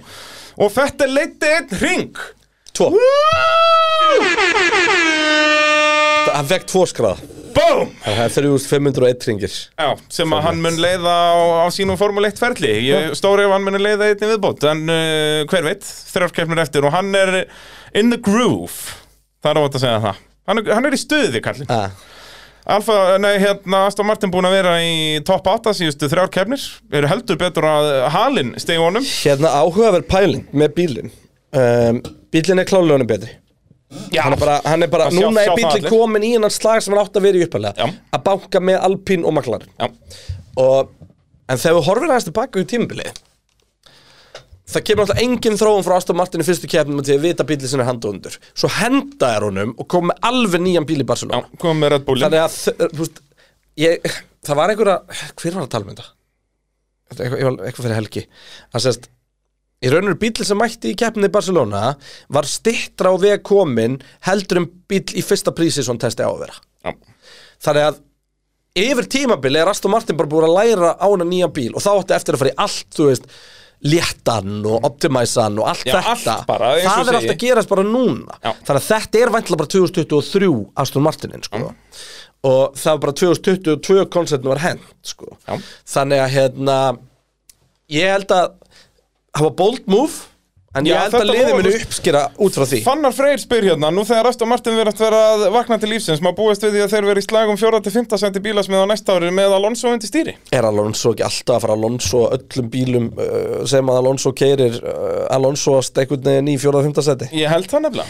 fáinu mörg Alonso við því að, í- al, að Alonsoast er eiginlega orð sem við þyrstum sem er eitthvað svona þú veist sko þessi taska er of stór fyrir þetta skott en ég náði samt einhvern veginn að koma niður Alonso hann Að- einhvern veginn Alonso inn. hann einhvern veginn inn sko. Já, það er svolítið, þess að outperforma ykkur, ja. bara, þú veist, ég er með pinguleitla tösku en að koma öllu þessu, ég náða Já. Alonso að þessum cowboy boots hérna ofan. akkurat það er, við þurfum að fara að kóina hennan freys, það er, eh, það er nákvæmlega þannig sem staðan er. Þannig að það er bara allt, allt upp á við og Alonso er betri í dag heldur en Fettel þótt að Fettel lifni til lífsins í einn og einni keppni og sé Já. betri heldur en Alonso jafnvel, þá er bara Alonso Alonso. bara kem með einhver einustu keppni Jep, Hann það er er hérna... hérna- akkurat staðan og náttúrulega Aston Martin hefðu ekki skorað, þú veist, þeir hefðu endað í sjö, Já, náttúrulega sjötta og Stroll sjöunda. var hvað? Stroll var á undan, skilur du? Hvar var Stroll þegar hann lendir í krassinu? Var hann fjórði? Var það ekki Já, fjórði, hann var dottir fymti? niður í 15 sjötta, þú veist, hann hefði alltaf verið á Já, eftir Perez var Russell, komið fram sko. úr honum. Já, þú veist, hann hefði alltaf verið á eftir Perez, þú veist, hann hefði alltaf verið á undan Norris. Þú veist, þannig Já. að með pitsapölni og Fettel hefðu þeir endað sennilega þá í sjötta og áttunda Já, með Norris á milli sín. Þannig að það hefur ennþá... þá var, þá þeir var komnir- einhvern upp fyrir Já, já, það er bara eitt stig á milli, skilur, þeir eru bara einu stig á eftir Alfa Romeo, þannig að þeir munu komast á undan þeim, sko. Allt í blóma í Aston Martin, hefur það góðir í hérna Mexiko held ég Já, ég er peppaður, uh, það er bara, það er aftur komið eitthvað pepp í kringum Aston Martin eftir hræðilega byrjun. Já, við slum heldur ekki gleyma að bæði Stroll og, og Fettel voru mjög góður í tímatökum og þetta var bara sko. Báðir í lokalhlutunum, bara geggja þær. Uh, nei, svo sem Fettel ekki í lokalhlutunum, eða ekki, hann ræði sér bara tíund út af refsingum. Jú, Já, hann var ekki í lokalhlutunum. Uh, Haas. Nei. það voru báðir Aston Martin lögulegum Nei, af hverju ræði sér Fettel á tíundi? Restan tíðandi Já. Hann var ekki í lokalhlutunum. Já, ok, afrangal, ég það er, maður ekki uh, það er bara, þannig er staðan uh, Haas eru í áttundasæti uh, skoruðu loksins uh, eitthvað svona ákættistig, uh, fjóru púntar sem Magnussen fekk og er að því komin upp í þrettandasæti í heimsættaramótinu á undan Pér Gastli Uh, Mikk Magnussen- Sjúmakar ekki svo heppin Nei, en mikk var það komum í ofalega keppninu, maðurstu Já sko, uh, Andri spyr hérna hver, hvers vegna í óskopunum var Mikk látin pitta á meðan Magnussen fær að hanga inni og endar í P9 Uh, Mikk átti aldrei sens eftir þetta Út af því að Magnúsum var sá sem tók gamblið Hitt var ekki gamblið, Magnúsum Já. baði maður sjálfur Já, að, sem sagt, og ég er 100% sammála því að þetta var ekki þetta var ekkit liðið að kasta mikið bara reynsla. rútuna Já, Og, bara, og Magnúsum hefur margóft gert það, hann er frægur fyrir Maður stíðin í Ungverlandi Þegar að hann var alltaf bara í þriðja sæti á hasinum alveg rétt, bara út að hann stoppaði ekki Já, menn allir hefur búin að stoppa Og hann endaði mitt á að skila Já, ykkur svona nýjunda það, sæti ég eða held eitthvað. sjötta setið Já, á, á bíl sem átti ekki að skora stig sko, Nei, þú veist, tímabilið. þetta var hann Rich Energy tímabilið, sko, þetta var bara hasinn var ógeðsli Nei, hann var þetta geggjaður Já, hann var mjög fallegur en ekki fór hann frætt yfir Nei. Eh, Ragnar Már spyr eh, þarf að skýra Blackin Orange flaggið K-Mac flaggið, já, við Yep. náttúrulega tókum þessa umræðu á þann og, og það er bara nákvæmlega þannig sem staðan er Eh, síðan ákvað ég að hafa eina spurningu inn í Haas og hún kannski tengist Haas ekkert beint en Bjarni Ben spyr hérna hversu litlu og miklu máli skipta þessi framvængir út að við erum alltaf að tala um að þessi endaplötur þetta af við sjáum Peres með ónýtt endaplötu sem að fauk af en eh, samt fekk hann ekki nýjan framvæng greinlega skiptir meira máli að taka hratt stopp henda hann senda hann eh, út með, og senda hann út með bilaðan framvæng heldur en að skipta um og koma í óhagstæðri stöðu út af breytina Já, þetta er alveg áhugaverð spurning því að það var líka rosa mikið spenna fyrir þessu nýja framvang hjá Mercedes sem að þau þurftu svo að fara af Já. Og framvængir skipta náttúrulega mjög miklu máli en eins og við tölum oft, upp, oft um sko, þú veist, 80% af danfórsun í dag kemur á gólfinu.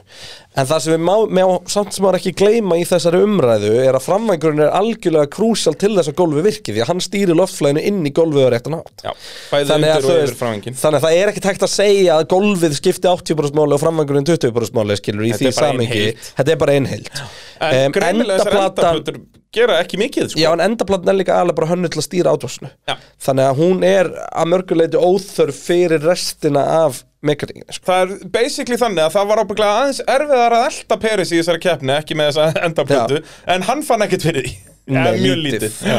Það- Þú veist, þetta finnum maður alveg fyrir því. Ég er ekki viss sko Já, hann allavega var ekkert agalegri en í öðrum keppnum Peris, sko. Nei. Þannig að ég stóri ef hann hafi fundið eitthvað fyrir þessu. Það er mitt Uh, síðan er ég með al, áhugaverða pælingu hérna þegar við tölum um Alfa Tauri sem eru núna dottnir í níunda sendið, ekki neitt að frétta þarna Gastli núna komin fyrir aftan Nei, Júki með tvo púnta eh, Magnussen í mótinu, Júki vissulega kom að ná tveimur punktum og fer því upp fyrir Mick Schumacher þeir eru að Heyrður svissast eitthvað, allir hann Gastli var um pyrraðar eitthvað á öllu Hann Já. er um hundleilu við liðið bara að fara Já, Það hann er er bara bara- dykk Gastli er mættur algjörlega, hann er bara komin í blátt bara hann er komin í Alpín bara og er ekkert eðlilega pyrraður bara út í allt Já.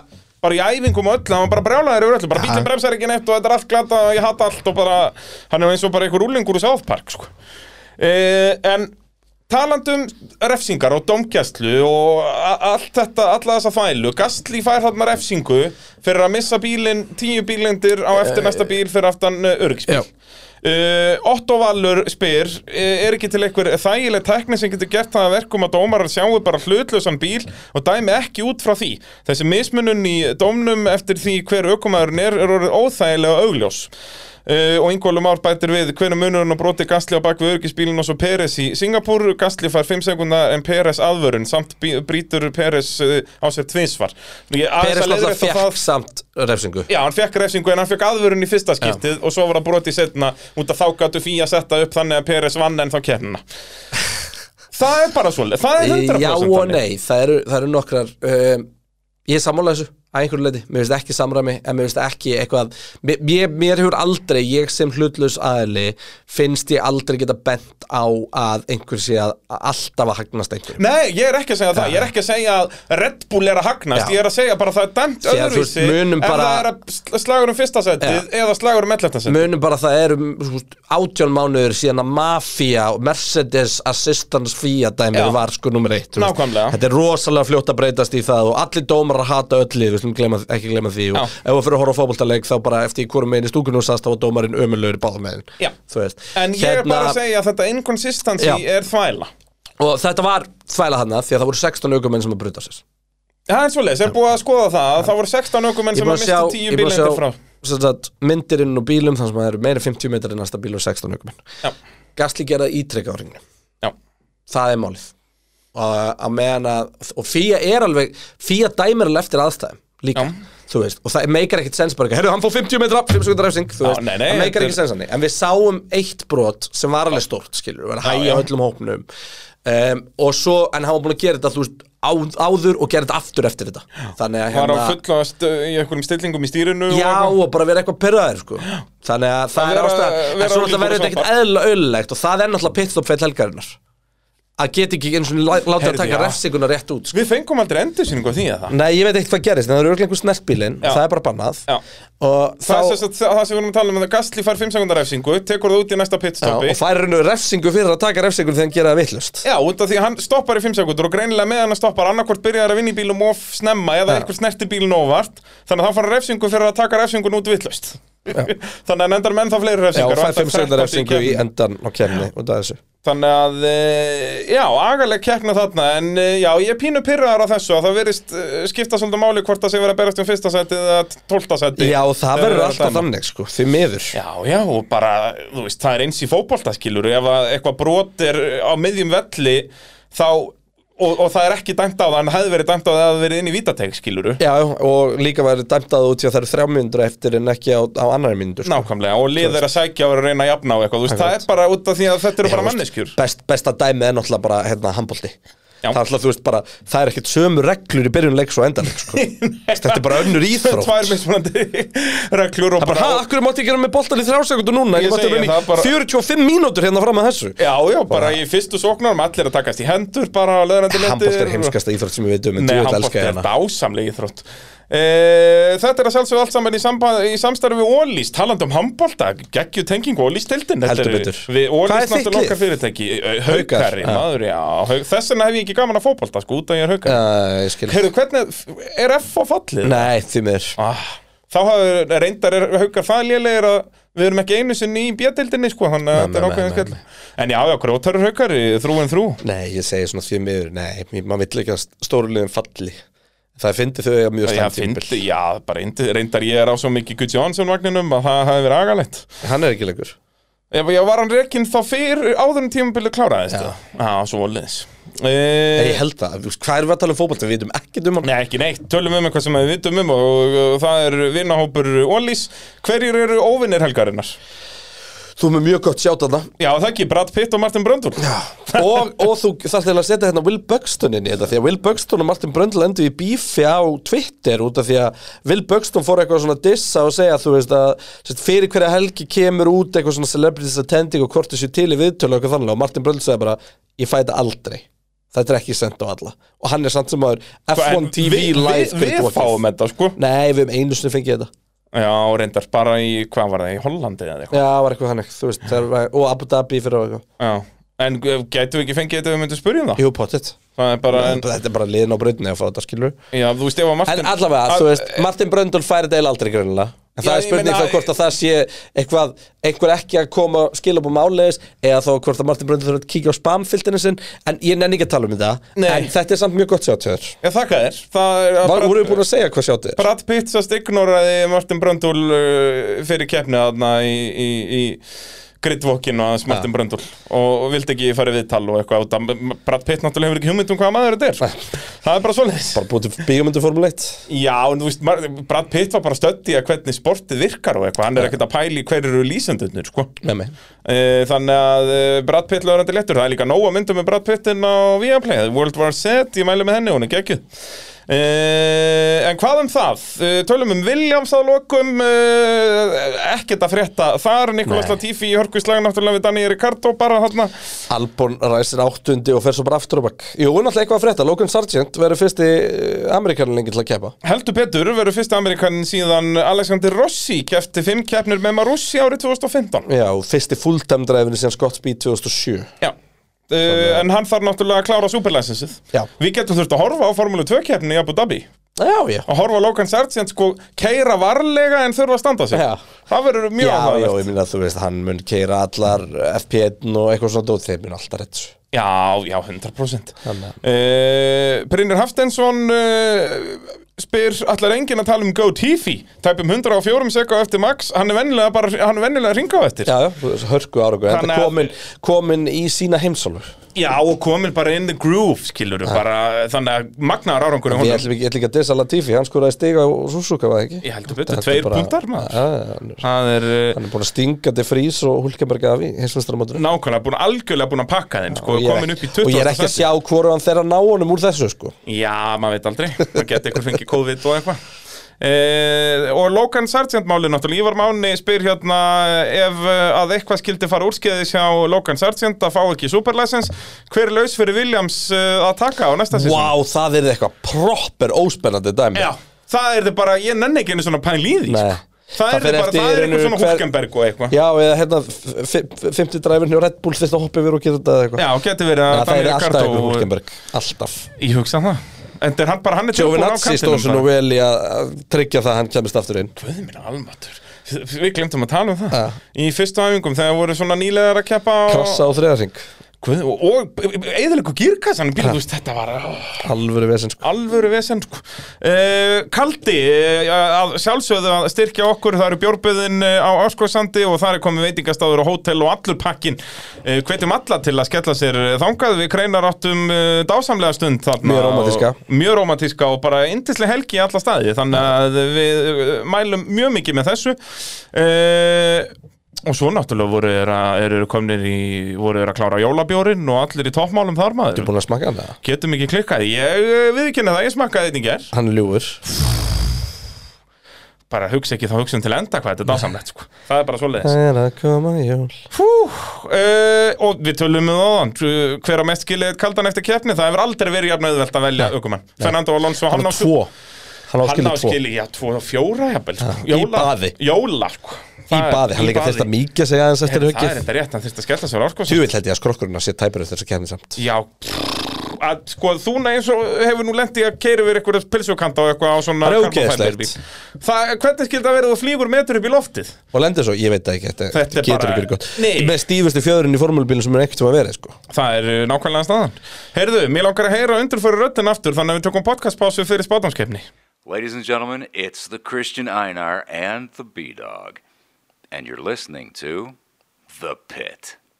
Þetta er nú, þú mátt ekki alveg overkill þetta Já, sko. já, ég ætla að gera það í fyrsta þætti og svo verðum við að spara þetta En það er gott að nota þetta alltaf í podcastpásunum sko. Kanski frekar alltaf bara nota þetta í podcastpásum frekar en í byrjun á þættinum Hvað heldur þú? Eða nota þetta alltaf í byrjun á þætti Þetta er geggjur rödd já. Það er, við, sjá, við sjáum hvað þetta endist Það er bara svona leis En spátumskeppnin er eh, mætt Þar voru við að sjálfsögðu báður með Max í fyrsta seti Þannig að það er eh, rétt hjá okkur báðum uh, Við vorum báðum með klerk í öðru Það er mínus eitt uh, fyrir það Svo var ég með Sainz í þriða sko, mínus 17 þar Meðan þú varst með Hamilton, mínus eitt Ég var með Hamilton í fjórða, þannig að mínus 2 á mig þar Þú með Sainz þar, þannig að við svissuðum bara Sainz og Hamilton Þannig að þú fær 16 í mínus þar, þannig að við erum ennþá svona eh, jafnir já, þú ert nú komin aðeins yfir mig En ég er með Ricardo Já, sko, svo er ég með báður með Russell í fynda, þannig að ég epp. Pá E, Eh, Ég er með Norris. Já, þú ert með Norris. Ég er með double aftur. pal. Þú ert með double pal. Þannig ég kom með triple pal Já, það er að hjálpa þér, meðan ég er með Alonso þannig sjötta sem er skellur, sko, svo er ég með Okkon og Norris, en þú með Alonso og síðan Ricardo, náttúrulega mínus nýju á Ricardo, Þúnt, en samt vinnur með einu stíu þarna helvitið. ég er lúskur Þetta er, þetta er agalegt að að heyra þetta. E, fyrir með Hiko, Ég er búin að spá ég er að pæli að hafa bara sömu spá að ég var með.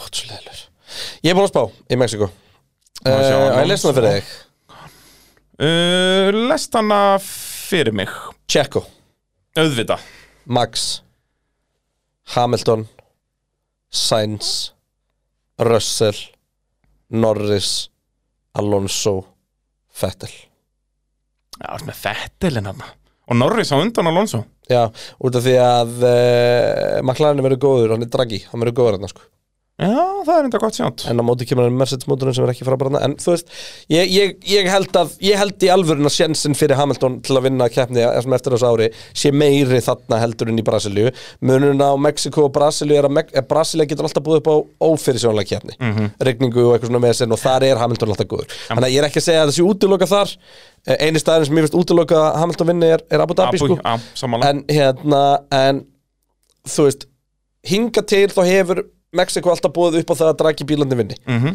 og þannig að það er ekkit ólega að Benson gæti bara jafnvel verið bestur þar þvert á það sem allir sérfræðingur út í heimi segja sko Já, já en, þeir, þú veist, við erum bara svo oft búin að sjá Benson vera góðan á stöðum sem hann átti að gera góð Já Sama, þetta er bara, þetta er rock solid uh, Ég ætla og ég ætla ekki að vera með Leclerc Þú ætlar ekki að vera með Nei. Leclerc, sé ég því Já, að annarkvort er ég að fara að setja Leclerc fjórða eða fymta já þá er bara betra að sleppa hann því að hann er annarkvort að fara að vera annar eða dett út sko Já, ég ætla að sleppa Ég get ekki sleppt sænt aftur Ég ætla Nei, að ég sleppa seti hann upp í þinn Hann er ekki að fara að dett út þrísvar sko. þrísværi röð, sko, það gengur ekki Ég ætla þá að, ég ætla að hafa sömu spá, þannig ég sleppi Peres Ég ætla bara að búa þetta drama, hann dettur út í heimakemni Wow. Það er bara þannig, þannig ég hef Max Það er þú þarft þess líka, þú, er, þú veist, það eru þrjár keppnir eftir og ég er með 35 stig á Já, þig sko, Ég, með þarf að, 36 stig á ég þig þyrfti eiginlega að gera meiri þvælu, sko Þegar fara bara í eitthvað bull Ég núna þyrfti bara að fara í einhverja algjöra Þetta vitleysu sko. er bara að fara í eitthvað svona fettil að taka dífu á síðasta ringdót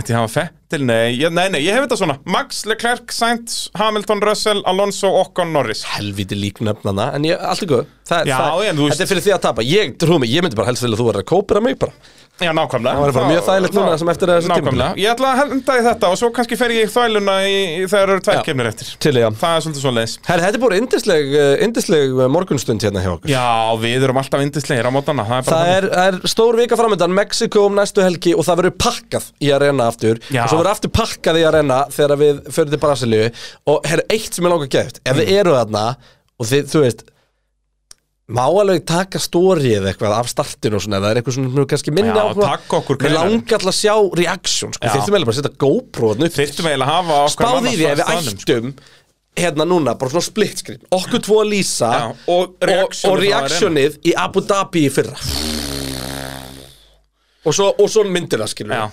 Þetta við þurfum að fá eitthvað á okkar allar besta fólki til að mæta með GoPro þarna og bara setja fyrir ofan skjáin ég hef svo bara hugsa ég að reyna að eða það bara til sko Já, það er eitthvað líkur á því, þeir eru nú með heilu stúdíóin þarna, sko. stúdíóinni sko. og svolítið mikið á svona tölvum og streymins búin Já, að það er svona, það er eitthvað til þeirftum að gera þetta Það er bara þannig en uh, pitturinn verður ekki lengri af sinni, er það nokkuð Nei, það held ég ekki, bara sjáumst á fimmtudaginn á péturum.is já, ég ætla, ég ætla að fá mig jólakaldur næstu helgi Já, ég hugsa, ég fá mig bara á fimmtudaginn, bara með þér hér í stúdíónu herru, ég get ekki beðið